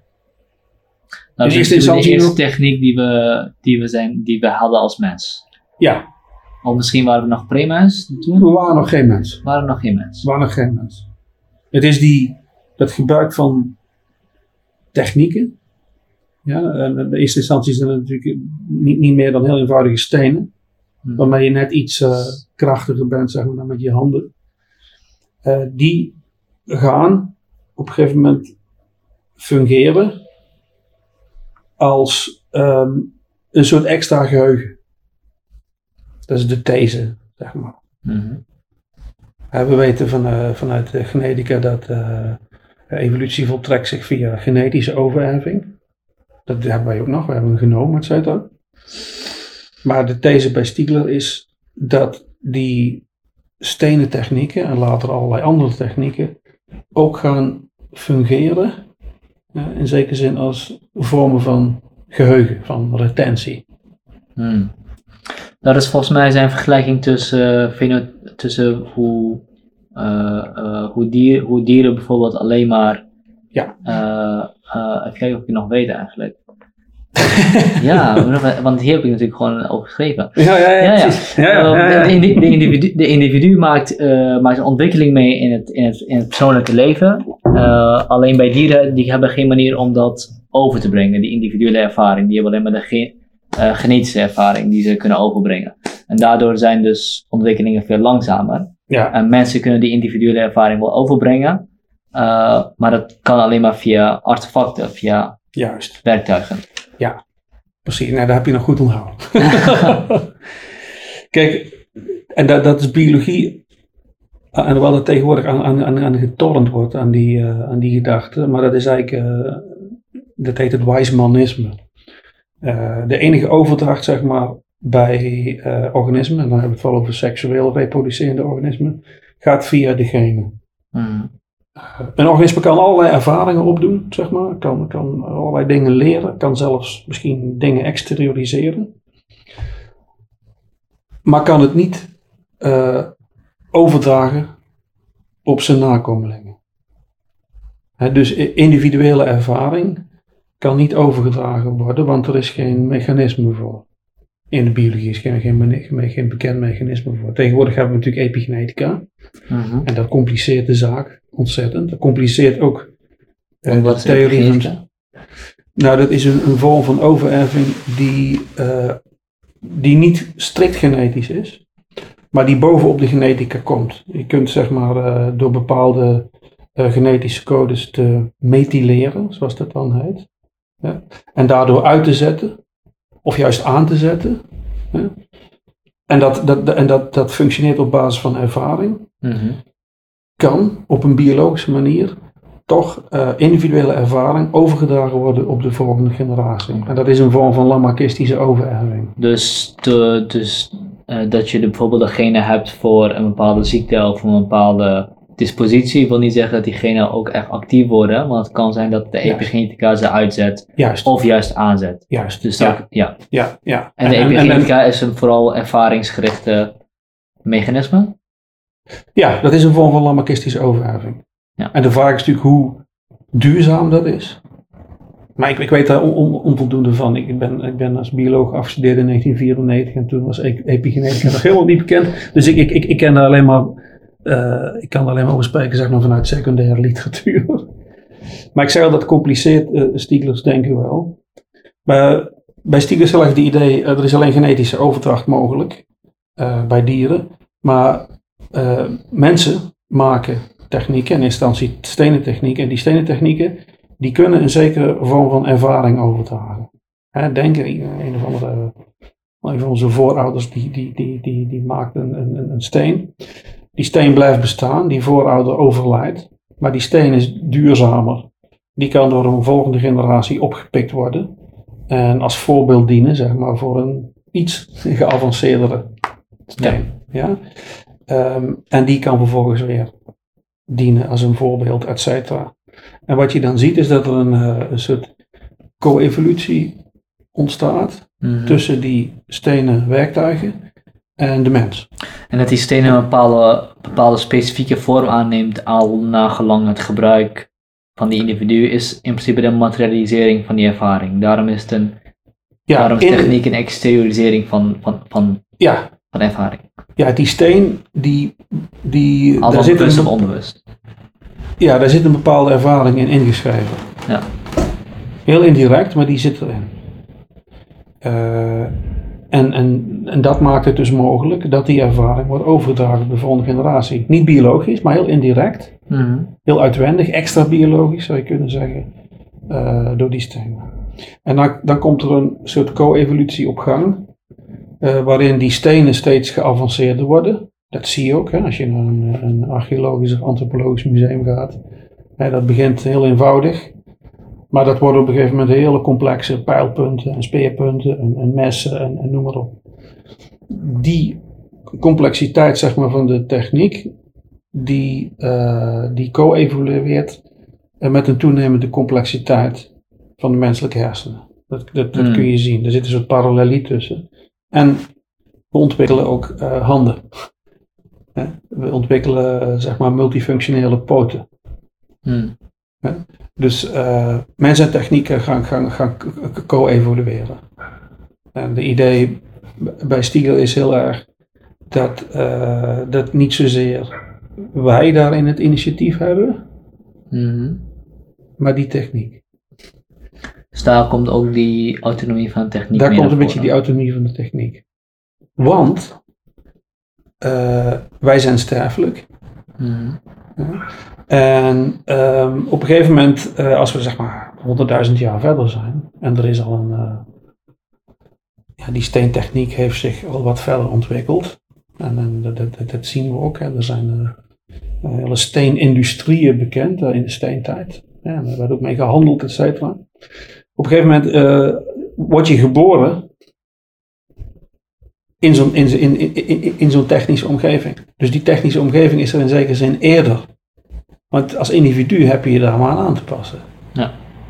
Snap je? En, die, en die, de, de, hoe die omgeving gevormd is, bepaalt ook de manier waarop jij naar de omgeving kijkt. Ja, Als je scherpere stenen hebt, zul je waarschijnlijk Ja. eh, makkelijker naar de mogelijkheid zien om dingen te snijden of, of te steken. En als je bottere stenen hebt, zie je makkelijker de benen juist. Ja, om die, kop in te slaan bijvoorbeeld. ja, die techniek gaat Of ook jouw blik op de wereld bepalen. zeg Ja. Maar. Maar, maar, gaat, heeft ook invloed op, op onze biologie. En hoe we ons ontwikkelen en evolueren. Ja, ja. Precies. ja. Ja, dat, dat we multifunctionele poten hebben, dat heeft ermee te maken dat we allerlei verschillende technieken hanteren. En dat doen we bijna op een natuurlijke manier. De, techniek is eigenlijk onze tweede natuur geworden, zou je kunnen zeggen. Ja. Dus dat, dat, dat is de, de belangrijke idee is, dat, eh, wat is het verschil tussen mens en dier? Ja, dat heeft te maken met techniek, met steentechniek. Met technische exteriorisering. De mens is een effect, zeg maar, van technische exteriorisering. En, en, en eh, of, of ook van de interiorisering in zijn biologie, zeg maar, van die technische Door exteriorisering. bijvoorbeeld door de handen, specifiek gezegd. Ja. Snap je dat? Ja, nee, nee, dat snap ik. Ehm, dus ehm eh, Stiegler die, die, die pakt in principe Heidegger's project weer op, maar die maakt het veel concreter en die gaat veel verder terug. Ja. Eh, en die, die, zijn kritiek is dat dus Heidegger geen oog heeft of niet genoeg oog heeft voor de materiële, eh, de, de effecten van materiële technologieën. Ja. Bij hem blijft het nog redelijk een ideologisch eh, of Nou, niet ideologisch, hij, hij denkt de techniek niet. Hij zegt, het is niet zozeer zijnsvergetelheid, eh waardoor de metafysica gekenmerkt wordt, maar techniekvergetelheid. Metafysica, Stiegler. Dat, ja, dat verwijt Stiegler weer aan Heidegger. Ja, ja. En, en, en aan, aan, de hele eh, filosofische traditie. En eh eh, S- Stiegler heeft ook dan, die noemt het dus ook een farmacologisch effect van, van, van techniek, want het is tegelijkertijd een gif en een medicijn. Het is, Ja, dat is, een po- vol- het is een ambivalente, ambivalente verhouding hebben we daar, daar, daar tegenover. dat is een volgende stap. Kijk, voor Heidegger is techniek, om, om het heel simpel te zeggen, louter negatief. Dat ehm, vermindert onze vrijheid en openheid. Hmm. dat slipt die hele openheid zeg maar dicht. Dus Heidegger gaat ervan uit, impliciet, maar dat wordt nooit echt bereflecteerd, dat er een soort oorspronkelijke openheid is. Oorspronkelijke openheid eh, voor het zijn. En, eh, en een onbepaaldheid, et cetera. En vrijheid. En techniek ehm, doet daar alleen maar afbreuk aan. En hoe meer techniek we ontwikkelen, hoe meer we ons als het ware insluiten in een groot technisch systeem en, en, en hoe meer we inboeten aan vrijheid en openheid. Dus de techniek is eigenlijk vooral voor Heidegger iets, iets negatiefs. Mhm. Snap je? Ja? Ja, Ja, om- omdat, omdat het een, eh, een, een steeds grotere bepaling is van een oorspronkelijke onbepaaldheid. Ja. Dus, Nou, daar zit natuurlijk wel wat in, in die gedachte. Ja. want techniek gaat ook steeds een grotere rol spelen in ons leven, dat, daarom. Ja. En bepaalt ook steeds een groter deel van ons leven. Ja, Dus precies. die negatieve ontwikkeling van, van Heidegger, daar zit, daar zit wat in inderdaad. Dus die zou kunnen zeggen, en in, in, in Stiegler's termen, voor, voor Heidegger is techniek eh, louter een gif. Het ondermijnt eigenlijk onze vrijheid Mhm. steeds meer. Het sluit steeds meer, het, het, het sluit hem steeds meer. Ja. Nou, wat Stiegler laat zien, als, als het zo is dat de techniek al aan de oorsprong van het mens zijn staat, Mhm. en dus waarschijnlijk ook aan de oorsprong van de openheid eh, die de mens is, dat zal, dat zal Stiegler niet, niet ontkennen, dan kan het natuurlijk onmogelijk zijn dat de techniek louter en alleen vrijheidsberovend is. Of, of, of daar een negatieve impact op heeft. en, en, en dat zit een beetje achter die gedachte van de, van de farmacologie. Alle technieken zijn farmaca, dat komt van het Griekse woord uh, farmacon. Dat betekent dat iets zowel een gif als een medicijn kan mhm. zijn. Uh, en techniek bij Stiegler uh, kan inderdaad ondermijnend werken. Kan onze existentie frustreren, bemoeilijken, et cetera. Maar opent het van de andere kant ook. En kan het ook ondersteunen. en, en, onze autonomie en onze vrijheid versterken, verhogen. Ja. Dus dat, die, die techniek krijgt een heel ambivalent een fundamenteel ambivalent karakter. Ja, en, dat is een heel belangrijk verschil met Heidegger. Dus Stiegler voegt daar, een, voegt daar een extra dimensie aan toe die dan weer positief is. Ja. Um, omdat technologie dus ook nieuwe zijnswijzen, zijnswijzen mogelijk maakt. Er zijn, ja. maakt. Het is mogelijk op een andere manier in de wereld te staan door middel van technologie. Dus ja. heel simpel gezegd, wanneer je speren hebt met een steenpunt, dat zijn heel, dan ben je, leef je een heel ander leven dan als je alleen maar stenen hebt. Ja, precies. Of pijl en boog. Of, pijl en boog, ja. En een pijl en boog is natuurlijk pas mogelijk wanneer je speren hebt gehad, of ja. misschien. Ja. En het uh, vriendschap bijvoorbeeld wordt ook een heel ander soort iets wanneer je digitale technologie hebt. Wanneer je Facebook hebt. Wanneer je Facebook noem maar wat, ja, dat is een bekend voorbeeld natuurlijk. Um, hoe werd die farmacologie, farmacologie door in het, uh, wat, ik, wat ik moeite had met, met Stilia vooral was dat daar, dat daar heel weinig een, een, uh, een werkbare iets bij was. Dus het, het blijft een theoretische, theoretische uh, beschrijving van, van de voordelen, van de positieve kanten en de negatieve kanten van mhm. technologie. Mhm. Maar het blijft heel onduidelijk hoe je dat, hoe je, hoe je daarmee kan evalueren, hoe je daarmee technologie kan evalueren. Je weet dat het een gif is en een medicijn tegelijkertijd. Maar, ja, maar misschien hoe bepaal je wanneer... Ja, dat is, dat is, dat is, een belangrijke vraag. Van wat, hoe hoe uh, operationaliseer je dat, zeg maar? Hmm. En hoe, uh, hoe, hoe, hoe ontleen je daar criteria aan zijn om te technologie te beoordelen? Dat is een hmm. belangrijke vraag. Maar ik denk, om nog te, misschien nog iets meer, te denk ik althans, dieper in moeten gaan op wat, wat die farmacologie nou betekent en waarom dat eigenlijk zo is. Ja? Want als techniek uh, exteriorisering is, van, van, van, uh, van onze biologie, van onze ervaring. Uh uh, dus als we dingen van onszelf naar buiten brengen, dan en in, in, in, in dode materialiteit uh, exterioriseren. Want mhm. dat is het natuurlijk. het is, het is een, Stiegler definieert techniek in eerste instantie als het georganiseerde anorganische. Het georganiseerde... Georganiseerde anorganische. Kijk, wij als biologische wezens zijn organisch. Mm. Georganiseerd, organisch. die, die, onze lichamen, onze, onze, onze, onze ledematen, et cetera. Dat is in zekere zin perfect op elkaar afgestemd. Nou, niet helemaal perfect. Maar uh, het een staat, voor, staat voortdurend in dienst van het ander, et cetera. Het is één groot holistisch geheel, zeg maar. Mhm. Eh, alles functioneert in zekere zin perfect. En dat, daar zullen Darwin het niet mee eens zijn. Maar het, is, het, het, het zijn, het zijn uh, wonderbaarlijke constructen. eenheid. Die op elkaar ingespeeld zijn. Heel goed op elkaar ingespeeld. En een doel spelen. En een doel, een doel in het geheel hebben. Ja, precies. ja. En, en, en, en, en een soort circulaire causaliteit hebben, et cetera. Um, en dat zijn wij natuurlijk ook nog. Maar die, die, die, die technieken, die zijn natuurlijk niet organisch. Dat is ook niet iets wat op een organische manier met ons lichaam verbonden is. Mm. Nee, dat is iets waar we mee moeten leren omgaan. Dat is iets, uit, iets, iets, iets, iets, uh, iets, iets buiten ons. Iets anorganisch. En wat ook niet voor zichzelf zorgt. Het lichaam zorgt voor zichzelf. Het geneest zichzelf, et cetera. Dat is allemaal uh, automatische eh, processen, zeg maar, die dat, uh, die dat in gang houden, die het ondersteunen. Dat, dat, dat doet techniek niet. Dus voor techniek moeten we zorgen. Ja. ja? We moeten daar allerlei praktijken rondom ontwikkelen, et cetera. En als we dat niet doen, dan wordt techniek toxisch. Dan gaat het ons tegenwerken. dan gaat het ons, ons bestaan ondermijnen.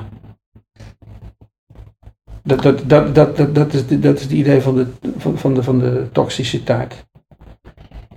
Omdat het. Dus zou je dan zeggen dat Stiegler in principe Heideggers negatieve definitie van technologie uh, wel als de standaard van technologie ziet, maar dat we de, nog de, de hebben om, om het positief te, te incorporeren in onszelf? Ja, Heidegger ziet het positieve onvoldoende. Ja, maar voor, voor Ziegler is het negatieve ook de standaardwerking van technologie, maar we hebben nog de mogelijkheid om, uh, om dat positief te organiseren. Ja, om het, om het toe te eigenen. Zeg hmm. maar. Denk, denk, aan de, denk aan het schrift. Vrij complexe technologie.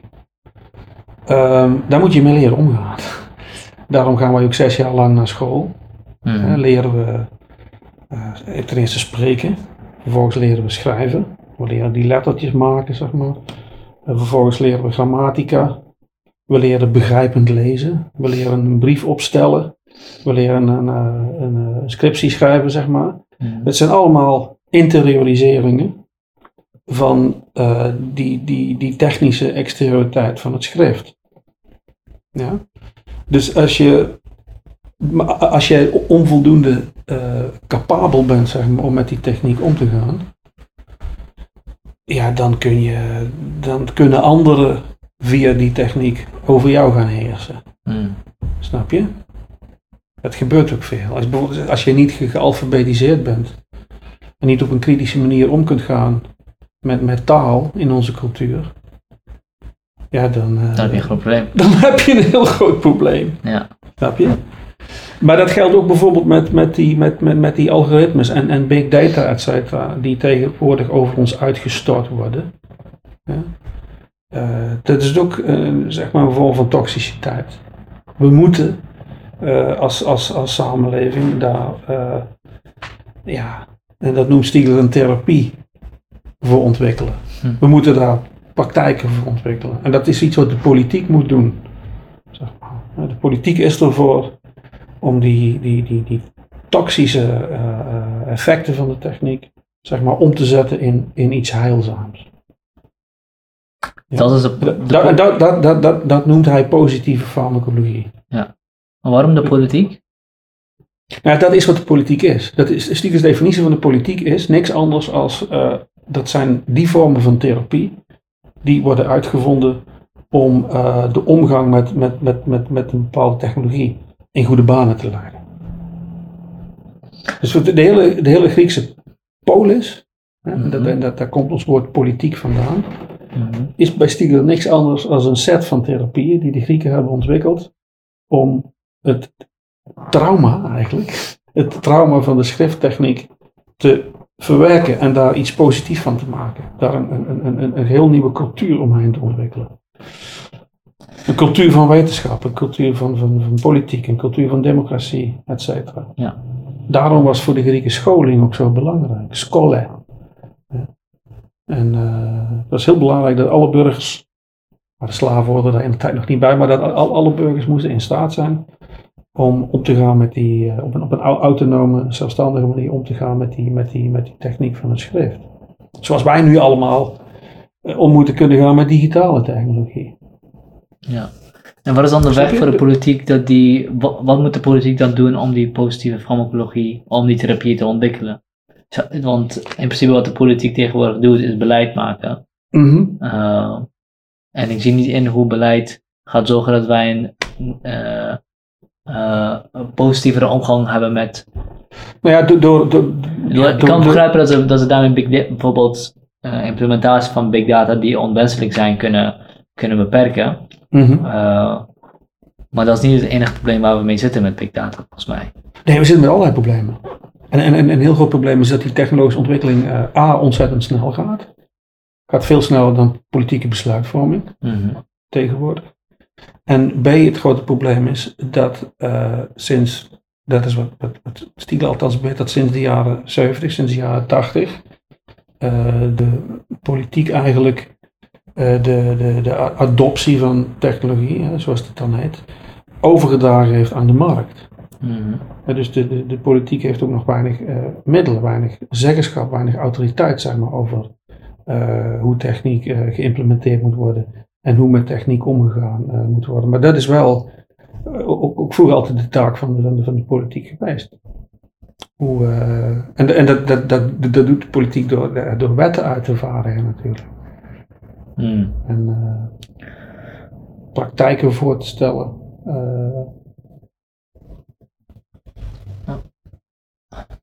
Ik ben me heel erg aan afvragen of hij enerzijds niet de taak van de politiek te ver inperkt en aan de andere kant ook te veel, eh, te veel zeggenschap, eh, of nee niet te veel zeggenschap, maar te veel vragen van de politiek.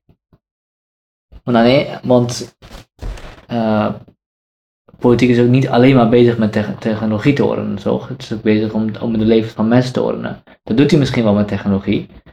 Ja, maar, het- maar dat, gaat, dat gaat altijd via technologie. Ik bedoel, ons leven is door en door technologisch. Het is bij elke, ik bedoel, welk domein van het leven is tegenwoordig niet meer technologisch. Hè? Het, het doordringt alles.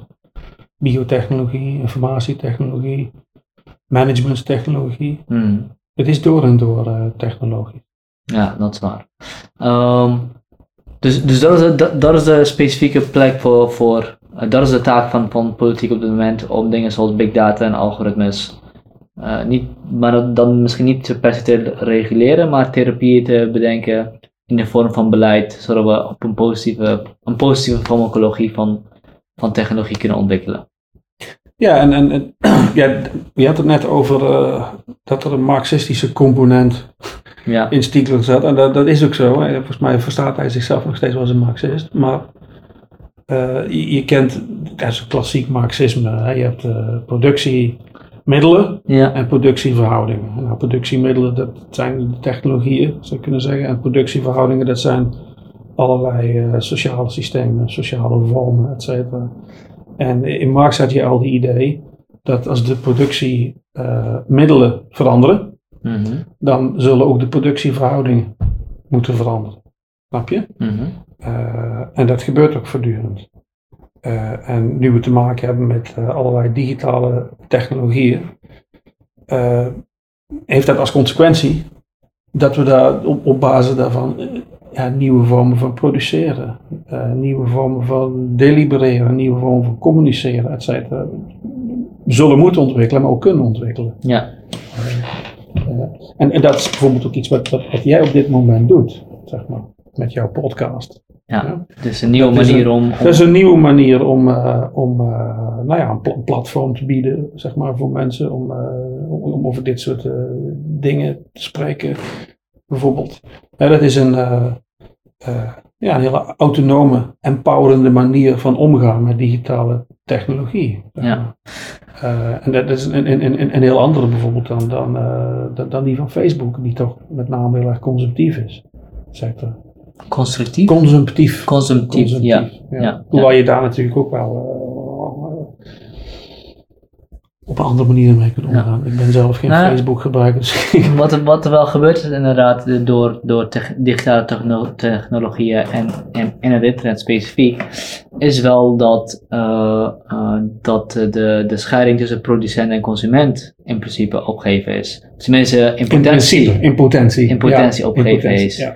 En iedere persoon kan nu bijdragen aan de culturele eh, beelden die we eigenlijk zien. En dat was in de jaren 60 en dergelijke heel anders. Je had, een, je had televisie, iedereen keek tv, er waren een aantal kanalen die, die er waren. En dat bepaalde eigenlijk de beelden die jij, die jij zag. En dat heeft natuurlijk een sterk, sterk, sterk effect op de cultuur. Ehm, Ja, nee, dat, dat, ik, bedoel, ja, ik, zeg, ik, ik herinner me dat nog goed. Ik bedoel, in de jaren ja, 70. Ja, alles kwam uit Hilversum. Ja. En er waren twee of drie, Nederland 1 en Nederland 2. En eh, dat was het. Maar dat maakt En- ook- ja, De- en er was een, een aantal professionals, zeg maar, die, die, die, die maakten het nieuws. Eh, die bepaalden ook eh, wat, wat men moest denken. Je had natuurlijk ook kranten, et cetera. Maar er waren ook bepaalde kranten. En je las de Volkskrant of de NRC of Trouw. En iedereen zag zondagavond van Cote en de Bie. Hè? Althans, in bepaalde intellectuele kringen. En dat had ook iedereen gezien. En dat was ook het onderwerp van gesprek. Dat werd bepaald, zeg maar, door een hele kleine, eh, laten we zeggen, culturele elite.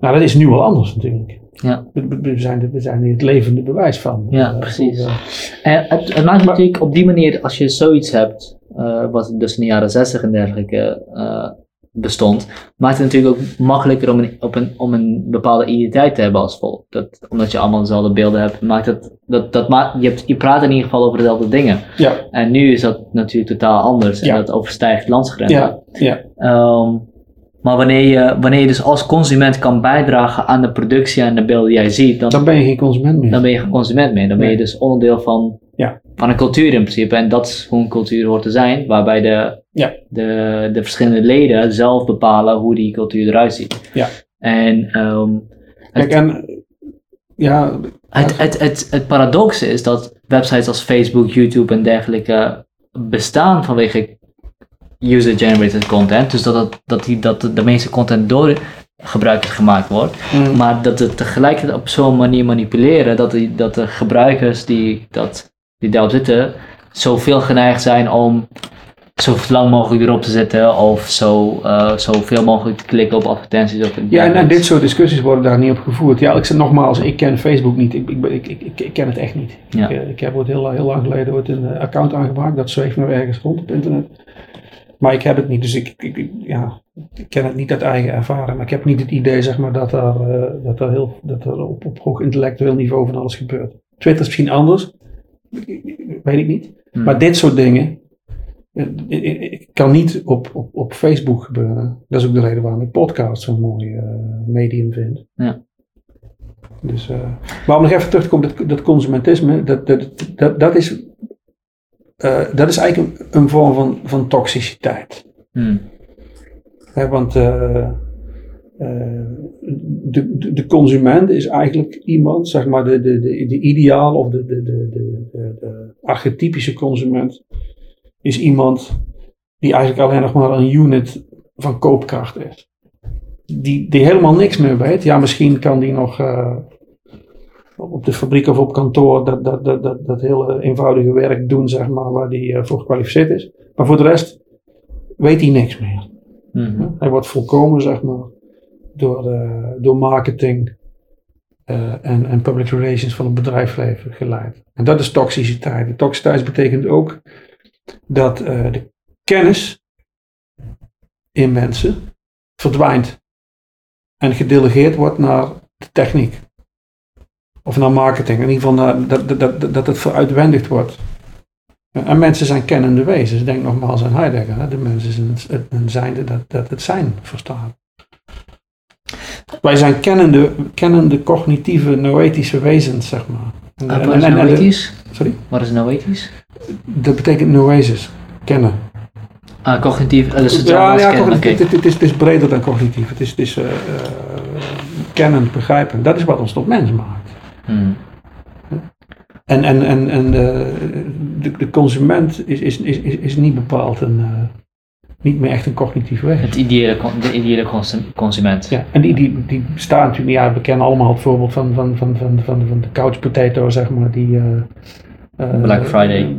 ja, Black Friday, eh, die, die eh, zeg maar acht uur domwerk doet op, op, op een kantoor of, of op een callcentrum en dan voor de bank gaat liggen, Netflix kijken. En, dat, zo erg is het in de praktijk meestal niet. Maar daar tendeert het natuurlijk wel naar. En een, een, een, een, een kapitalistisch systeem is wel een systeem dat precies die vorm van consumentisme en die vorm van proletarisering, zoals Stieger dat noemt met, met, met een marxistische term, eh, bevordert. Hmm. En wat, eh, wat bedoel je met proletarisering? Ja, proletarisering is dat eh, kennis verdwijnt uit, het, uit het subject en dat die kennis meer en meer gedelegeerd wordt, zeg maar, naar technieken. En wat voor soort kennis? Eh, Zeg maar, hoe zien we dat gebeuren? Dat, Levenskennis, eh, kennis om dingen te maken, eh, allerlei vormen van kennis. bedoel je dan concreet gezien dat, dat ah, in ieder geval veel mensen van mijn generatie, in ieder geval ikzelf bijvoorbeeld veel minder weet hoe ik dingen in, het hui- in mijn huis moet, Ja, moet repareren dan? Ja, ja, En dat, dat is een effect van, van technologische voortgang en kapitalisme. ja, ja, dat is proletarisering. Ja. Dat is proletarisering. Ja, kijk, dus dat een marxistische term, ik bedoel, proletarisering treedt op begint in de 19e eeuw als uh, het, het, het, het, kapitalisme zeg maar uh, machines gaat ontwikkelen. Mm. Uh, en wat zijn machines? Ja, dat zijn technische apparaten waarin de kennis en de know-how en de, en, de, en de gebaren zeg maar, van arbeiders eigenlijk geobjectiveerd worden. Ja, dat is wat het kapitalisme op een gegeven moment ontdekt. Het, het brengt eerst arbeiders samen in zogenaamde manufacturen. -hmm. En, en, en dan, dan gaan mensen samenwerken en het leert van de manier waarop mensen samenwerken. En vervolgens ontstaan daar fabrieken. En uh, die fabrieken, daar wordt die, die, die samenwerking die aanvankelijk nog gerealiseerd wordt door, uh, door levende arbeiders, wordt meer en meer door machines gedaan. Ja. Waardoor aan het dus... eind van de 19e eeuw de arbeider alleen nog maar op een knop hoeft te drukken, zeg maar. Ja. En eigenlijk ook helemaal niet meer weet hoe dat machinepark functioneert, want dat zijn ingenieurs die dat doen. Ja, dus dat, dat, dat, is, dat is proletarisering. Dus de arbeider wordt in principe ten dienste gesteld van, het, van, van de machine. Ja. En de machine is iets wat gemaakt wordt door een ingenieur ergens in een kantoor. Ja. En die kennis dus van hoe, hoe datgene te maken wat ze al aan het maken waren. Ja. Dat, wordt, dat wordt eigenlijk geoutsourced naar die ingenieurs. Dus de arbeiders verliezen die kennis van, Ja. van arbeid. Ja. En, dat is En hebben, en, hebben, en hebben ook helemaal geen, eh, geen invloed meer zeg maar, op, op, op die technologische ontwikkeling. Want Ja. die wordt eh, eh, door de ingenieurs gedaan. En die ingenieurs staan natuurlijk weer ehm, onder de imperatief van, van ja, wat ik maar even de kapitaalaccumulatie noem. Ook die zijn niet meer eh, eh, autonoom, zeg maar. Ook die worden steeds meer geleid zeg maar, door, een, ja, door een autonome logica. Ja, dus als ik het even vergelijk met het schrift, wanneer je, je de gedachte externaliseert naar het schrift, eh, opstaat er een objectieve gedachte die je eigenlijk kan verbeteren. Dus die, die, die kun je dus gaan optimaliseren, of, of- om het even maar zo te noemen, als persoon zijnde. Maar je kan dat alleen doen als je het schrift kan. Wat er dus bij de machine gebeurt, is dat die know-how ge- geëxternaliseerd wordt naar een machine. Ja, ja maar het principe is. Het is ook extra, Ja, in principe is het hetzelfde, Ja, inderdaad. Eh, maar die kan dus ook alleen maar verbeterd of begrepen worden door iemand die die kennis heeft van hoe die machine eruit ziet. En dat zijn niet meer de, dat zijn niet meer de arbeiders, want die hebben die kennis ook niet nodig. Nee, en, en, en denk aan software. Ik bedoel, eh, eh, en, en dat is het verschil met, met commerciële software van, van Apple en Microsoft. Wie, wie weet in godsnaam nog hoe dit ding functioneert? Hmm. Ja, bijna niemand, zeg maar. Nee. En eh, de open software, eh, de open source beweging is precies een beweging die tegen die zich tegen die proletarisering keert. Want die pleit er eigenlijk voor dat iedereen in principe eh, kan programmeren. En misschien niet eh, individueel, maar collectief. Mhm. Ik weet niet of je wel eens met, met, met Ubuntu hebt gewerkt. Of, eh, Ja, ik ken het. Dan kun je in principe elk stukje software kun je, kun je zien zeg maar, wie dat gemaakt heeft. Of, of wat de track record is hè, van alle mensen die daar aan bij hebben. Ja. Dat is een collectief project. Dus dat, die, die, die kennis zit in de gebruiker. Snap je? Maar eh, als, Nou. je, als je Windows gebruikt, dan ben je volledig afgesloten zeg maar, van eh, de technologie.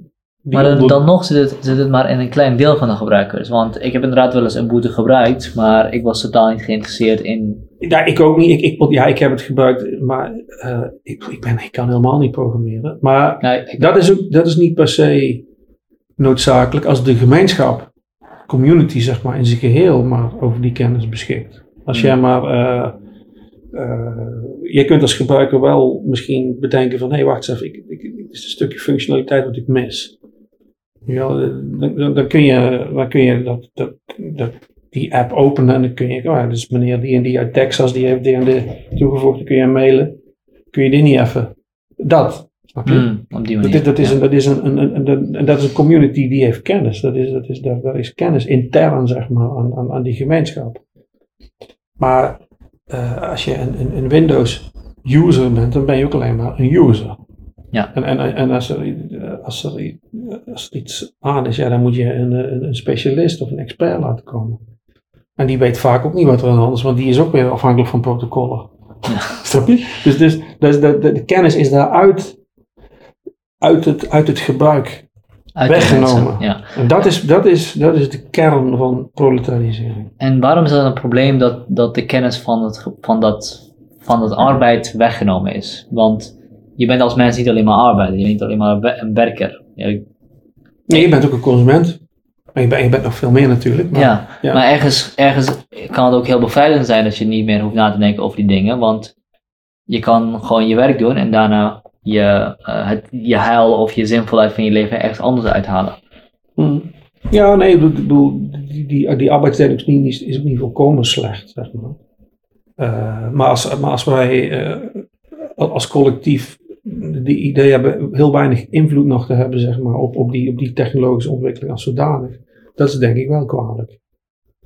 Dat we als collectief geen invloed hebben op die ontwikkeling van, van technologie. Ja, Dat, we daar, dat we daar geen, geen zeggenschap meer over hebben. Want dan krijg je een situatie uh, van aanpassing. Dan, dan, dan moeten we ons voortdurend aanpassen aan nieuwe technologieën. Hmm. Uh, zonder dat we daar zelf nog, nog, nog enige ja, zeggenschap of, of, of, of autonomie over hebben. Ja, dus dan verliezen we eigenlijk weer wederom de, uh, de autonomie in ons eigen leven. Omdat ja. En, en, en dan zit, dan zit op de lijn van Heidegger. Dan, dan, dan, dan, dan, zijn we. Uh, ja, dan passen we ons voortdurend aan. Ja, en dan zijn we dus als consumenten ten dienste van technologische ontwikkeling. Ja. ja. En, en, het is volgens mij ook, is, sterker nog, je hebt, in, je hebt een term als, je hebt een term als lifecycle management, product lifecycle en plant obsolescence. Ja. Waarbij sowieso telefoons en dergelijke, maar heel veel apparaten een bepaalde geplande levensduur hebben. Mm. En in die theorie, of dat model, is de gebruiker niet meer een persoon waar je aan levert, waar je een dienst aan levert, maar eigenlijk ook een onderdeel van, van, van het levensduur van die telefoon. Dus, ja, van de, van de, van de, van de cyclus van, van het kapitaal zelf. Ja, daar, daar ben je dan helemaal aan, aan, aan uh, uh, of overgeleverd niet, maar aan, aan onder, uh, onderworpen. Ja. Zeker zin. Ja. Dus er, ergens in de modellen die gebruikt worden, zijn mensen al gewoon puur een onderdeel van, ja, van, van, van de levenscyclus van, van, zoals je het noemt, dat, dat kapitaal. Ja, de consumptiesamenleving is een aanpassing van het, van het sociale systeem op de kapitalistische productie. Nou, en hoe bedoel je dat? Nou, heel letterlijk. Wanneer is de consumptiesamenleving ontstaan? Uh, in de jaren, je zou kunnen zeggen jaren 20, 30. Hmm. Daar is een heel verhaal over natuurlijk. Um, je, je, kent het idee van um, de afnemende waarde van de winst voedt. Het kapitalisme. Ja, maar dat, ik, Op een gegeven moment, nou laat het toch simpel, simpeler. Uh, het, het, het, kapitalisme moet voortdurend produceren. Mm -hmm. Want anders dan gaat het ten onder. Waarom? Omdat het voortdurend moet groeien. Ja, maar en, ja dat, dat idee ken ik. Maar dat, ik dat is het idee van die, van die groei-imperatief. En, en, en groei betekent dat je product moet kunnen afzetten. Ja, Ja? Um, maar als er geen afzetmarkt is, dan heb je een probleem. En dat probleem, dat, uh, dat, uh, dat werd ervaren onder andere door iemand als Henry Ford. Hmm. Dus, uh, het is een van de, nou niet de grondleggers, maar is een van de mensen die aan de, aan de oorsprong staan van de, van de, van de consumptiesamenleving. Uh, Henry Ford is de eerste die hele goedkope auto's is gaan produceren, uh, die ook zijn werknemers konden veroorloven. Nou, dat was uh, aanvankelijk nog helemaal niet het geval. De automobiel was iets ja, voor, voor, voor, rijke elite, zeg maar. Hmm. Maar wilde die productie door kunnen gaan en wilde, wilde, wilde, wilde hij kunnen, ouders kunnen afzetten, moest hij een nieuwe markt openen, zeg maar. Uh, en uh, ja, dat is op een gegeven moment uh, gerealiseerd. En in de jaren 20, 30 kreeg niet alleen de auto-industrie, maar ook allerlei andere levensmiddelenindustrie, et cetera. De sigarettenindustrie is een heel, heel bekend voorbeeld. Uh, die kregen te maken met een uh, ja, gebrek aan afzetmarkt. Er werd geproduceerd, maar er was overproductie. Ja. En hoe krijg je die producten, zeg maar, toch afgezet in de samenleving? Dat doe je door uh, zoiets als reclame en marketing uit te vinden. Ja, reclame en marketing, de, de, de functie daarvan is het verlangen van consumenten voor bepaalde producten op te wekken. Ja, dat is het hele idee daarachter. En uh, vanuit marketing en reclame ontstaat zoiets als een, een consumptiesamenleving. Dus de, de, de, de, de samenleving gaat steeds meer fungeren, zeg maar, als een instrument uh, voor het kapitalistische systeem om maar overproductie te kunnen realiseren. we consumeren ook steeds meer. Ik bedoel, in Amerika heb je mensen die hebben zoveel spullen uh, dat ze dat allemaal niet meer in hun huis kunnen herbergen. Maar die hebben daar uh, speciale, uh, ja, die huren daar ruimtes voor. Dat kun je intussen hier in, in Nijmegen ook. Opslagboxen. Opslagboxen. Ik weet ja. niet ik heb, ik, zoveel spullen heb ik helaas nog niet. Alhoewel mijn boek wordt inmiddels wel heel veel. maar, snap je? Ja. Dat de consumptiesamenleving een aanpassing is. Op die afnemende winst. Ja, op ja. afnemende winst. Maar wat ik niet snap is waarom, de, waarom het kapitalisme moet groeien. Om in leven te blijven. Ja, dat is, dat is, dat is gewoon de, de logica van het, uh, van het kapitaal. Dat, is, dat, is ook, dat zit ook in de competitie. Als jij, als jij onvoldoende winst maakt, ja. uh, in competitie met anderen, ja, dan lig je eruit. Snap je? En er is, ik, ik weet niet, dat Marxisten hebben er wel eens berekend, het kapitalisme moet uh, in zich heel ongeveer 3% compound winst maken per jaar, anders stort het in. En dat gebeurt ook regelmatig. Het kapitalisme heeft regelmatig crisissen. Ja. Ja, maar ik, ik, zal, ik zal even niet. Als ik nou elk jaar een miljoen omzet draai en jaar 1, jaar 2, jaar 3, jaar 4, jaar 5 die miljoen omzet blijft draaien. Ja, dan lig je eruit. Je moet groeien. Ik bedoel, daar zit een groeiimperatief in het kapitaal. Maar vanwege het, vanwege het competitiegehalte dan? Of? Nou, waarom zou je iets produceren als je er geen winst mee behaalt? Nou, ik behaal er wel winst mee, maar het is gewoon hetzelfde winst. Nee, maar, die, nee, maar je moet steeds meer winst maken. Ja, maar omdat, je, omdat, omdat je, in, in, in, je, zit, je, zit, je, zit in, in, in, je zit in die competitie. Dus als je niet meer winst maakt als anderen, dan lig je eruit. Dat is, dat dus is vanwege... een ijzeren, dat is een ijzeren okay. wetmatigheid. Dus, oké, okay, wacht. Even kijken of ik het snap. Uh, ik produceer auto's, jij produceert auto's. Ik maak een miljoen winst, jij maakt uh, een half miljoen winst. Mm -hmm. En uh, dat is voor jou niet zo prettig, want je wilt meer winst maken. Dus je komt steeds dichter bij die miljoen. En daardoor moet ik ook meer winst gaan maken. Want mm -hmm. ik wil niet achter op jou zitten. Want zodra ik achter op jou zit, ga ik waarschijnlijk heel snel omlaag. Mm -hmm. Dus als ik niet omhoog ga, als ik niet op weg ben naar de nummer 1 afzetter, ga, dan koop ik jou op. Dan koop je mij dan op. koop ik jou op. Ja. En we hebben dus vanwege de competitie moet die, moet, die, moet die winst groeien. Ja, wij zitten in competitie ook. Uh, we moeten wie, wie, wie produceert het efficiëntst. Mm -hmm. Zeg maar, wie, wie produceert uh, met, de, met, met de minste hoeveelheid arbeid. Wie, kan, wie, wie is best in marketing? Wie weet de, de grootste markt uh, te, open te leggen? Aan Al dat soort dingen. Ja. Maar die, maar die groeiimperatief, dat, dat, dat, is, dat, is de, dat, is, dat is het meest basale aan het kapitalisme. Ja, nee, ik snap wel dat hij er is, maar ik heb nooit echt goed begrepen waarom. Wat, een imperatief komt ergens vandaan. Dus geen, geen, heilige, geen heilige wet wat uit de, uit de lucht komt vallen. Maar ik, als, het, als we het hebben over die competitiedrang en dergelijke, en, en het gevaar van opkoping, of het gevaar van als je niet als je niet de beste bent, kun je, kun je ja, out, of, ja. out, out, of job gaan of gewoon Ja. gaan. ja, precies. Hmm. Hoe kwamen we hierop? Want op Ja, we hadden het hier hadden het over, uh, ja, je je begint het hier over het marxistische element in stier. Nou, Ja. daar, zit, daar zitten wel marxistische ele- elementen in. Maar de, oorspronkelijk kwam ik erop, de idee dat ook, ook in Marx vind je dat al, in het marxisme, dat de samenleving zich voortdurend moet aanpassen of vernieuwen als reactie zeg maar, op nieuwe technologieën. Dus het technische systeem verandert Hmm. eh, en de samenleving loopt altijd achter. De samenleving is altijd gebaseerd op een, op een eerder technisch systeem, zou je kunnen zeggen. Ja. En het moet, eh, het, het moet nieuwe vormen van produceren, van, van, van, van, van denken, van politiek, van communiceren, van educatie, et cetera, ontwikkelen. Op basis van die nieuwe eh, technologie. En dat gaat altijd gepaard met heel veel frictie en, en, en, eh, en ellende. Want heel veel banen bijvoorbeeld, eh, die gebaseerd waren op, op, op, op oude technologie en dus oude skills, en die verdwijnen gewoon. Mensen Mm. moeten iets nieuws gaan doen. Daarom is men op het moment ook zo beducht zeg maar, voor robotisering en automatisering. ja. Maar over het algemeen komen er ook nieuwe banen bij. Ja, dat is tot nog toe de, de, de, de, de tendens geweest, maar de vraag is natuurlijk of dat zo blijft. Ja, ik, ik, ik wil daar geen uitspraak over doen. Ik, ik ben, Mm. ik ben geen, eh, dat is zeker niet mijn specialisme. Ehm, maar ik snap wel dat dat, eh, dat dat een probleem is. Ja. ja, dat snap ik ook wel. Dat het heel gevaarlijk kan zijn. Ik weet niet wat de uitkomst gaat zijn, maar Ja, ik, ik snap wel dat, dat door, door, de- door de manier waarop automatisering versnelt, dat er Ja. heel veel banen verloren, in ieder geval heel veel banen verloren gaan. Dat, dat kun je wel stellen. Ja, en niet alleen met de zogenaamde domme baantjes, maar ook de meer de, de, de, de banen waarbij je moet nadenken. Bijvoorbeeld uh, accountancy. Mm. Ja, of, of, of een arts zelfs. Als je straks hele intelligente expert systemen hebt die betere diagnoses kunnen stellen dan een arts. Ja, waarvoor heb je dan nog een arts nodig? Ja. Of een arts moet dan iets, iets, iets, iets anders worden.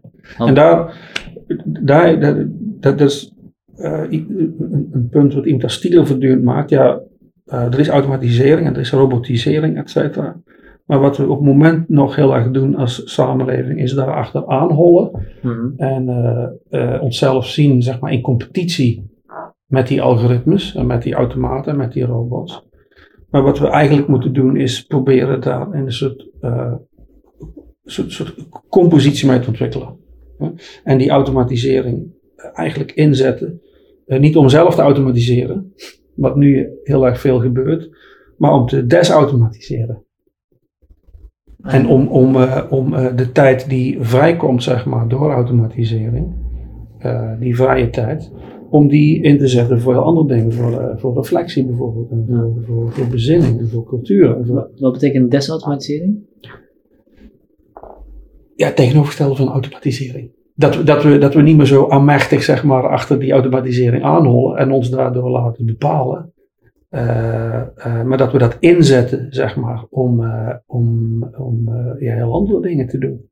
Ja, maar dat, dat is een heel lastige opgave, aangezien je als bedrijf in competitie bent met andere bedrijven. Precies, en, en, en, en, en dat betekent misschien dat je in ieder geval een andere vorm van kapitalisme zal moeten ontwikkelen. Die, die, die, die anders gaat nadenken over werk, of misschien wel een, een, een heel ander economisch systeem. Dat beter geschikt is, zeg maar uh, om, om, uh, om met die technologie om te gaan. En wat zou dan de positieve farmacologie kunnen zijn van, uh, van automatisering?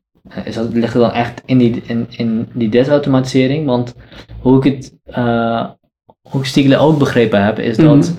elke, elke, nieuwe elke nieuwe technologie ook de ruimte opent om op een andere manier in de wereld te staan. Dus of je, of je nou meer of minder gaat automatiseren, dat is niet per definitie weer het probleem, maar dat je een, zoals je al eerder zei, een therapie ontwikkelt voor die nieuwe technologieën, om daarmee om te gaan op een andere manier. Dus je zou kunnen zeggen dat het niet zozeer gaat of erom gaat of er meer of minder automatisering komt, maar hoe wij daarop reageren en hoe we daarmee omgaan. Ja, ja hij is absoluut niet tegen automatisering. Dat, dat, is, uh, dat, kun je niet tegenhouden, zeg maar. Dat zal, dat zal toch wel doorgaan. Maar het gaat erom inderdaad hoe de samenleving daarop reageert.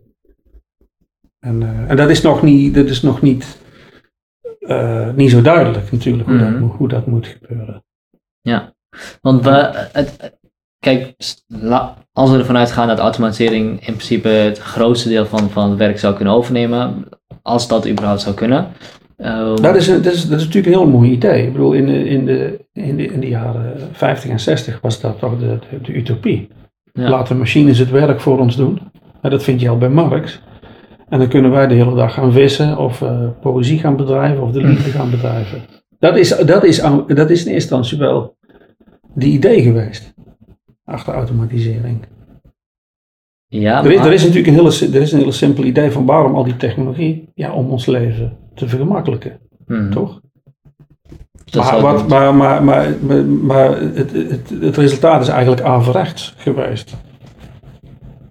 We zijn alleen maar steeds meer gaan werken. En het leven is alleen maar meer vluchtig geworden. En we hebben alleen maar minder uh, tijd om, om, om na te denken, te reflecteren, et cetera. Ja, dus, dat is eigenlijk wel gek inderdaad, dat we steeds meer zijn gaan, gaan werken terwijl het eigenlijk minder nodig is. Ja. Dat we, uh, en dat zou je dan zeggen dat het, dat het echt ligt aan het kapitalistische systeem? Dat, ja, dat ligt aan, ja, dat ligt aan, uh, ja, aan, aan, aan, een onvermogen zeg maar, van, uh, van, van het sociale om, om, om op een creatieve manier met, met, die, met die technologie om te gaan. Maar wat, hoe, zou dat, hoe zou dat eruit zien? Ik, ik, ik probeer het gewoon voor te stellen. Hè? Dus dat, hoe, zou dan, hoe zou dan een maatschappij eruit zien die, die in principe minder werkt? Want daar komt het eigenlijk op neer. En dat kunnen we ook zonder die technologie. Uh, een maatschappij waar mensen maar drie uur per week werken, drie, uur, drie dagen per week werken in plaats van vijf dagen per week. Hmm. Ja, nou, dat, dat, zou wel een, dat zou wel een oplossing zijn. En er zijn natuurlijk ook volgens mij hebben we het daar nog eens een keer over gehad. Je hebt natuurlijk het idee natuurlijk van, van, van een gegarandeerd basisinkomen. Zeg maar. Mhm. Als het dan toch zo is dat heel veel werk verdwijnt. En als het daarbij ook nog eens zo is dat er geen nieuwe functies bij komen, geen nieuwe banen bij komen. Dat kan natuurlijk wel zijn dat dat, dat, dat toch alsnog gebeurt. Niemand kan de toekomst voorspellen.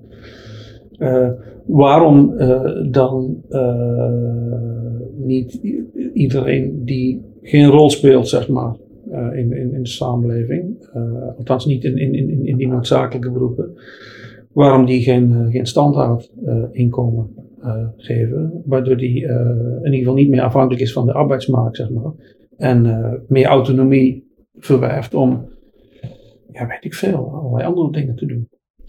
eh, die nuttig zijn voor de samenleving. Mhm. Niet per se nuttig in de zin van dat het eh, geld in het laadje brengt, of dat het eh, de kapitaalaccumulatie dient, maar dat het toch eh, eh, op, op wat voor manier dan ook nuttig is voor de samenleving. Of voor, eh, voor de natuur. Ja. Want we zitten bijvoorbeeld met een enorme grote ecologische crisis opgescheept.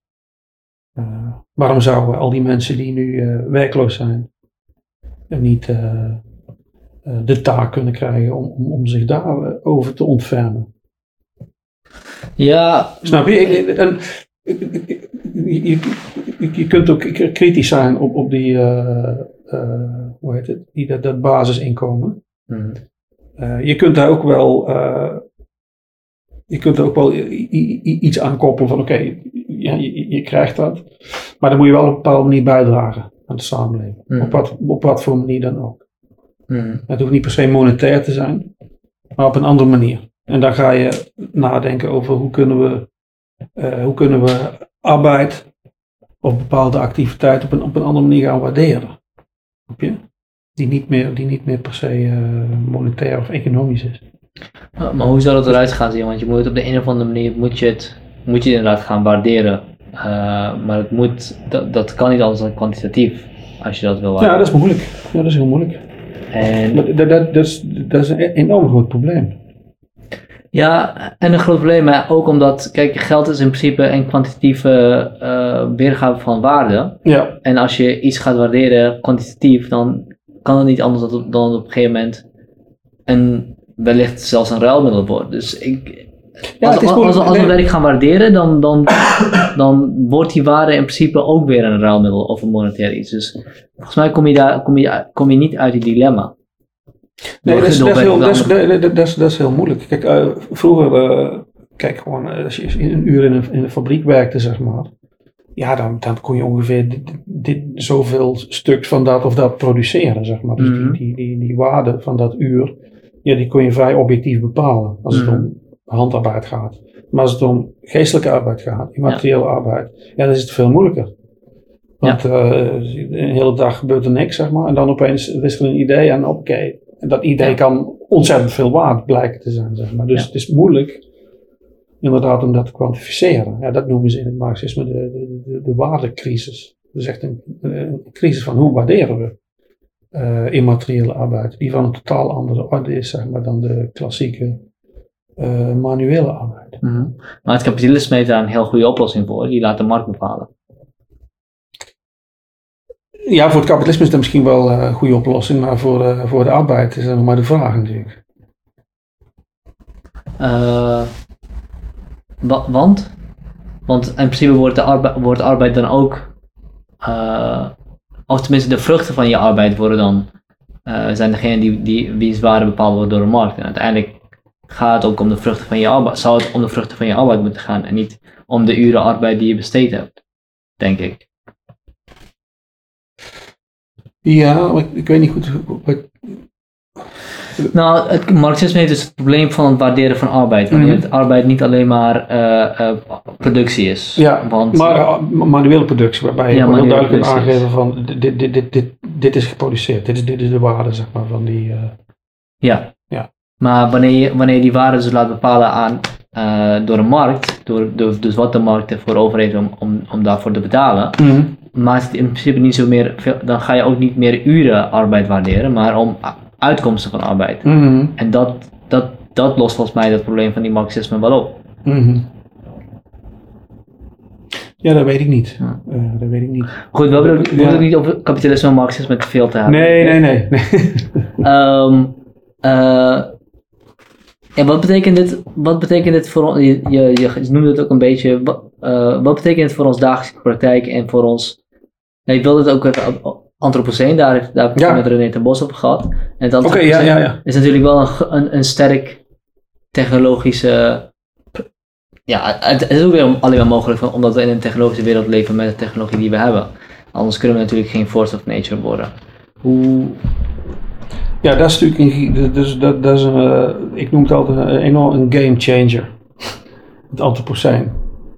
Dat is, eh, dat, dat, dat, dat verandert alles, ja, heb, heb ik het idee. Ehm, ik, ik weet niet of ik het uit moet leggen. Ja, ik denk het wel. Eh, het Anthropoceen is de idee voor het eerst door eh, klimaatmensen, eh, geologen naar voren gebracht eh, dat de mens de belangrijkste geologische factor is geworden. Eh, voorheen waren dat allerlei natuurkrachten, eh, meteorologische krachten, ecologische krachten, geologische krachten. Nu blijkt dat het eigenlijk eh, voor het grootste gedeelte de mens is die bepaalt eh, hoe het klimaat op de planeet eruit ziet, hoe de ecosystemen zich ontwikkelen. Eh, vandaar Anthropoceen. Het woordje eh, Anthropoceen komt van Anthropos en Ceen, is het tijdperk van de mens. hmm. Eh, en in dat impliceert natuurlijk dat wij een, eh, een enorme grote verantwoordelijkheid krijgen eh, voor de planeet. Eh, bij wijlen omdat we er effect op hebben. Omdat we daar een beslissend effect op hebben. We hebben er niet alleen een effect op, dat hebben we waarschijnlijk al, al, al, al sinds we landbouw zijn gaan plegen, of misschien nog wel eerder. Maar we hebben een beslissend effect erop. Dus de toekomst van de planeet, de toekomst van de biosfeer, is afhankelijk van, van ons. Ja. Van de manier waarop wij eh, ons ontwikkelen. Eh, dat, is, dat is één punt van het Anthropoceen, dus de, de, de dominantie van de mens. Maar dat is nog, dat is nog een vrij eh antropocentrische duiding daarvan. De andere kant van het Anthropoceen is dat die aarde zelf op allerlei manieren op ons begint te reageren. Eh, dus wij hebben ontzettend veel impact eh, op het klimaat bijvoorbeeld. Maar het klimaat begint ook te reageren. De aarde begint te reageren. Het, er zijn steeds meer overstromingen, steeds meer stormen. Eh, en op, eh, dus de, de- de aarde, zoals Bruno Latour eh, wel eens schrijft, verkrijgt agency. hmm, En, en, en, en, en dat is de andere kant van het verhaal. De aarde dringt steeds meer binnen in de menselijke cultuur, in de, in de menselijke technologie. Snap je? hmm. Ehm, het is dus niet zo, alhoewel sommige mensen dat wel denken, dat wij, eh, omdat we een enorme impact hebben, dat we daarmee de aarde kunnen controleren.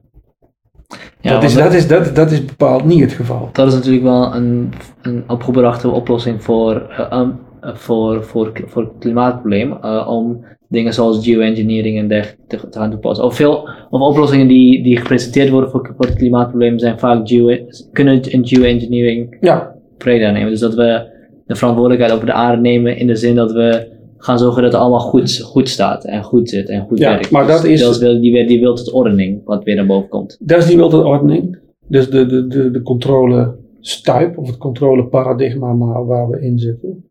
Maar ik denk zelf dat het Anthropoceen het einde inluidt van dat controleparadigma. Oké. Omdat we eindelijk gaan inzien dat hoe machtig we technologisch gezien ook zijn. Mhm. En een term die je in de context van het Anthropoceen steeds vaker tegenkomt is die van de technosfeer. Mhm. Ja, de aarde heeft een, eh, een geosfeer, en een atmosfeer en een hydrosfeer. En vervolgens een biosfeer, de sfeer van het leven. En dat is eigenlijk de belangrijkste sfeer geweest van deze planeet. Het leven heeft de aarde heel erg gevormd. Mhm. En, en, en ook eh, op een bepaald manier constant gehouden. Wat de mens aan toe heeft gevoegd is een technosfeer enerzijds en een noosfeer, de sfeer van het denken. Ons denken heeft een enorme impact op de planeet. Eh, maar het is vooral die technosfeer die eigenlijk de sfeer van het Anthropoceen is. Ja. Snap je? Maar die technosfeer, althans dat denk ik, beheerst natuurlijk niet die planeet. Op, precies op, op, Ja. op, op het moment dat onze technologische macht zeg maar een, een, een, een, een, eh, planetair bereik krijgt. Mhm. En dat is aan het gebeuren. Mhm. Ja. Precies op dat moment ontdekken we dat, dat, dat we eigenlijk eh, volstrekt machteloos zijn tegenover die planeet en die, die, die biosfeer waarin we ons bevinden. Want voor, voor, voor je het weet eh, is het straks 3 graden of 4 graden. Stijgt de temperatuur. Nou, dan is het alle hens aan dek. Want dan, dan, dan, dan bedoel, ja, dat- je moet daar de, de nieuwste literatuur maar eens overlezen. Mhm. Dat, dat, dat is rampzalig. Maar is dat dan eh, is dat een pragmatische eh, grens waar we tegenaan lopen of een fundamentele grens? Ehm, dat is een hele goede vraag. Dat is een hele goede vraag. Want het zou natuurlijk kunnen zijn dat eh, de techniek toch hè, uiteindelijk in staat is om, eh, om tot een soort beheersing te komen. Dat weet je natuurlijk niet. Ja. Er zijn auteurs, Benjamin Bratton bijvoorbeeld, die heeft een heel mooi boek geschreven, dat heet The Stack. En de stack is zijn term eigenlijk voor, de, voor, dat, plannen, voor, voor dat, ja, dat planetaire technosysteem dat we aan het creëren zijn. Mhm. Eh, dat op een of andere manier weet zeg maar, dat het parasiteert op de aarde. Het zuigt de aarde leeg, zeg maar. Het, het, het, en, en daarmee vernietigt het zijn eigen bestaansconditie. En dat is ergens op het, op het niveau van dat systeem, is dat, er is een soort bewustzijn van. En wat het probeert, is die aarde zodanig te veranderen. Of daar de zon bij te betrekken, of, of, of, of naar, naar, naar asteroïden te gaan, et cetera. Zodanig eh, eh, te innoveren, zeg maar, eh, dat het zichzelf toch kan handhaven. Ja. Snap je? Of om te zorgen dat de, te- de te- innovatie die we maken meer in lijn zijn met. Ja, o- o- de ja of, of, of, of, dat klopt, dat kan ook ja. Ja. Dat, dat, eh, dat is meer Peter Sloterdijk's idee.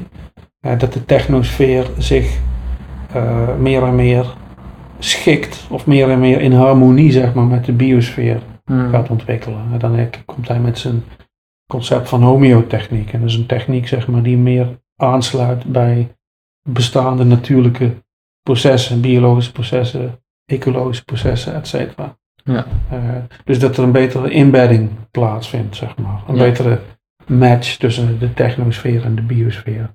Eh, dat, dat kan natuurlijk ook. Maar van de andere kant kan het ook natuurlijk instorten. Mhm. De technosfeer is nu een sfeer die zichzelf nog niet kan handhaven, die niet conservatief is, zoals ze dat noemen. Die de, de, de, de, de sferen waarvan ze afhankelijk is, uitput. Ja, omdat het ook, dus het ook ziet als eh, bronnen van energie die, waar je uit kan putten. Nee, en, en, we, eh, en dat is weer een, een, een, een, eh, een, diagnose van Stiegler. Wat wat het, het, het- de planetaire techniek op het moment doet, is heel veel entropie produceren. Mhm. Heel veel chaos. Heel veel. Eh, want wat, wat, wat, wat zijn we aan het doen met z'n allen? We zijn op allerlei manieren eh, de diversiteit eh, aan, het, aan het vernietigen. Mhm. Biodiversiteit neemt af. Ecodiversiteit neemt af. Sociale diversiteit neemt af. Noetische diversiteit. Sociale diversiteit neemt af? Ja? Dat is zijn these, ja. Dat er, dat er, dat er een, eh, een enorme nivellering en standaardisering plaatsvindt. Op die manier. ja, Linguïstische, oké, dat eh, dat snap ik, ja. diversiteit, diversiteit. eh, etnodiversiteit. ja. Dus een, een, een diversiteit is, is, is, is rijkdom, is differentie, zeg maar. En, en, dus, dus, en dat, noemt, dat noemt hij negentropie. Mhm. En negentropie is, is, een, is het tegenovergestelde van entropie. Dat is meer ordening, meer rijkdom, meer, meer vrijheidsgraden, et cetera. En de, de, de, de, biosfeer als, als de sfeer van het leven eh, produceert spontaan heel veel negentropie, heel veel complexiteit en, en, en rijkdom. En, kijk hoe ingewikkeld die organismen zijn, zeg maar. Dus, Mhm. en dat, dat is noodzakelijk om die biosfeer eh, te handhaven. Maar doordat die techniek erbij komt, zeg maar, eh, ja, verandert dat. Eh, verandert die, die, die, die productie van negentropie. Ik weet dat het een hele abstracte term is. Mhm. Maar die verandert steeds meer in de productie van entropie. Wat zich onder meer manifesteert in het feit dat het hier heter wordt. Maar als negantropie meer leidt naar ordening en entropie naar meer chaos en technologie is de wil tot ordening, Mhm. hoe kan het zijn dat technologie dan leidt naar entropie wat juist minder ordening is? Ja, ordening is niet het juiste woord. Negentropie is een vrij moeilijke term. Je kunt beter, kunt misschien nog iets beter van complexiteit spreken of complexificatie, zeg maar. Dus technologie zorgt voor minder complexiteit? Ja, het lijkt erop alsof technologie eh, complexificeert. En dat kan het natuurlijk ook. Hier speelt die farmacologie natuurlijk ook weer.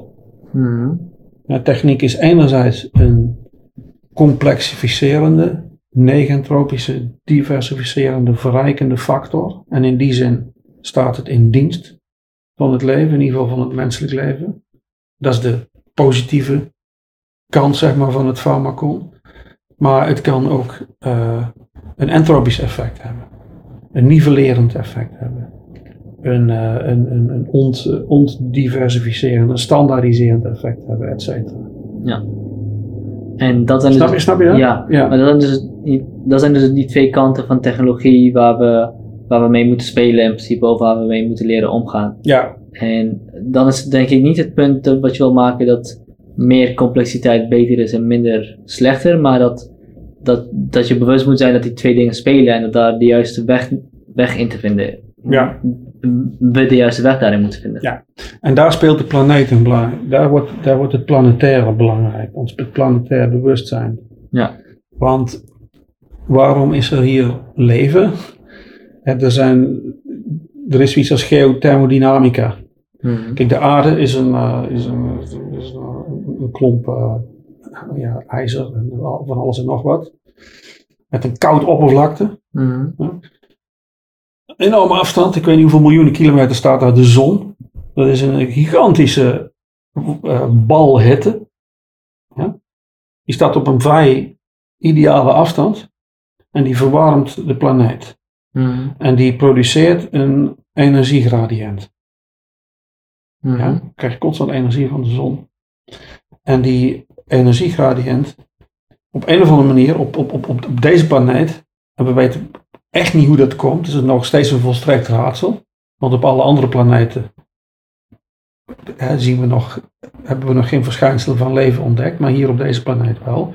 Is er een enorme hoeveelheid, enorme productie van negentropie. De meest complexe dingen ontstaan hier. Dus is een enorme activiteit, zeg maar.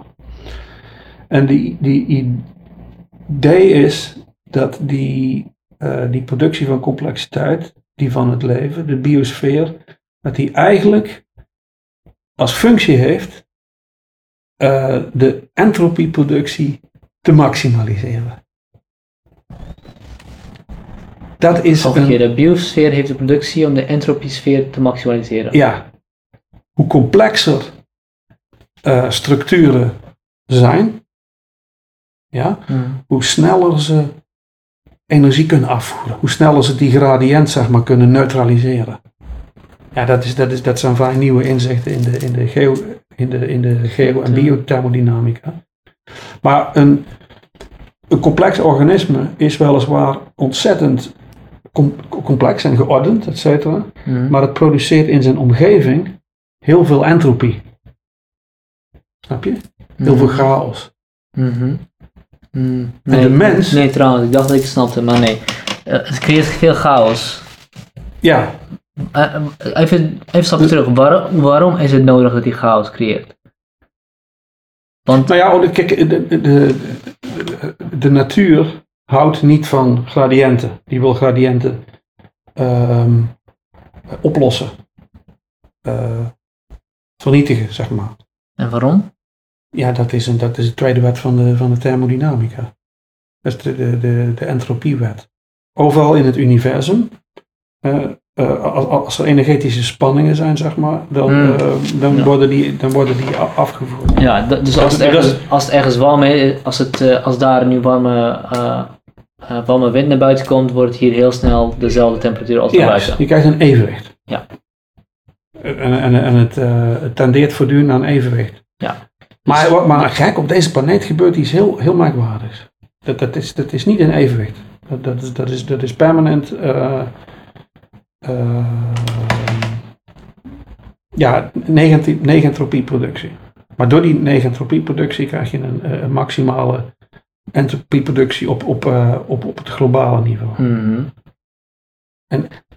Het is, de technische details zijn misschien op het moment niet zo relevant. Ja. Maar het punt is dat we dat moeten gaan begrijpen en dat moeten gaan inzien. Omdat de techniek eh, een steeds grotere impact heeft zeg maar, op die hele geothermodynamische cyclus. Ja, en het punt is Dus, dat... dat, dus we zullen daar ook steeds meer inzicht in moeten krijgen. En, en, en, en dat zal eh, op een gegeven moment ook een rol moeten gaan spelen in de manier waarop we techniek gaan ontwerpen. Mhm.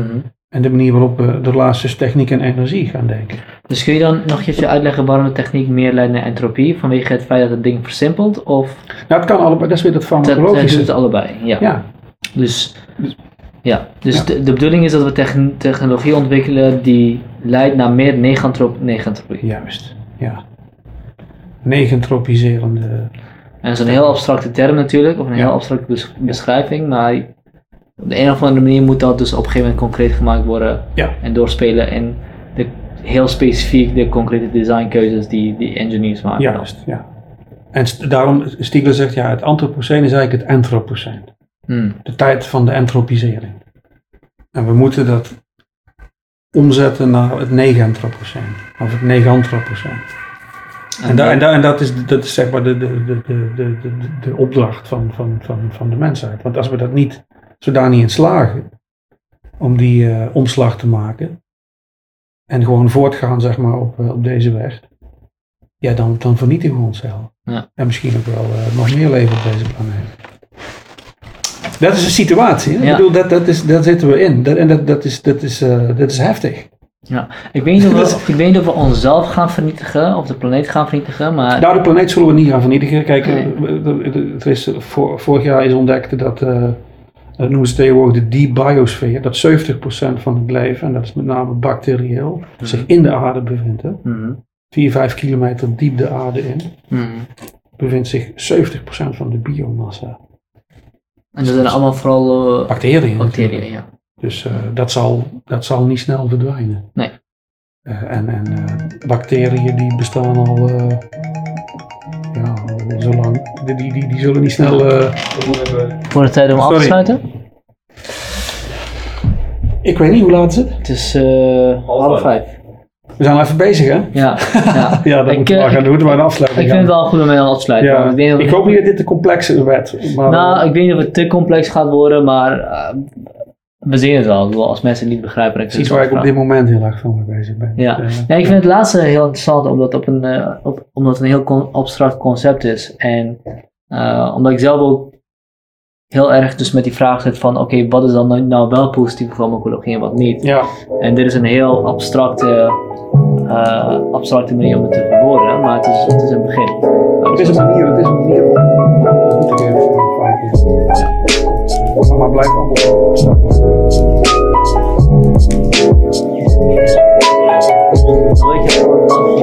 Ja. Ja.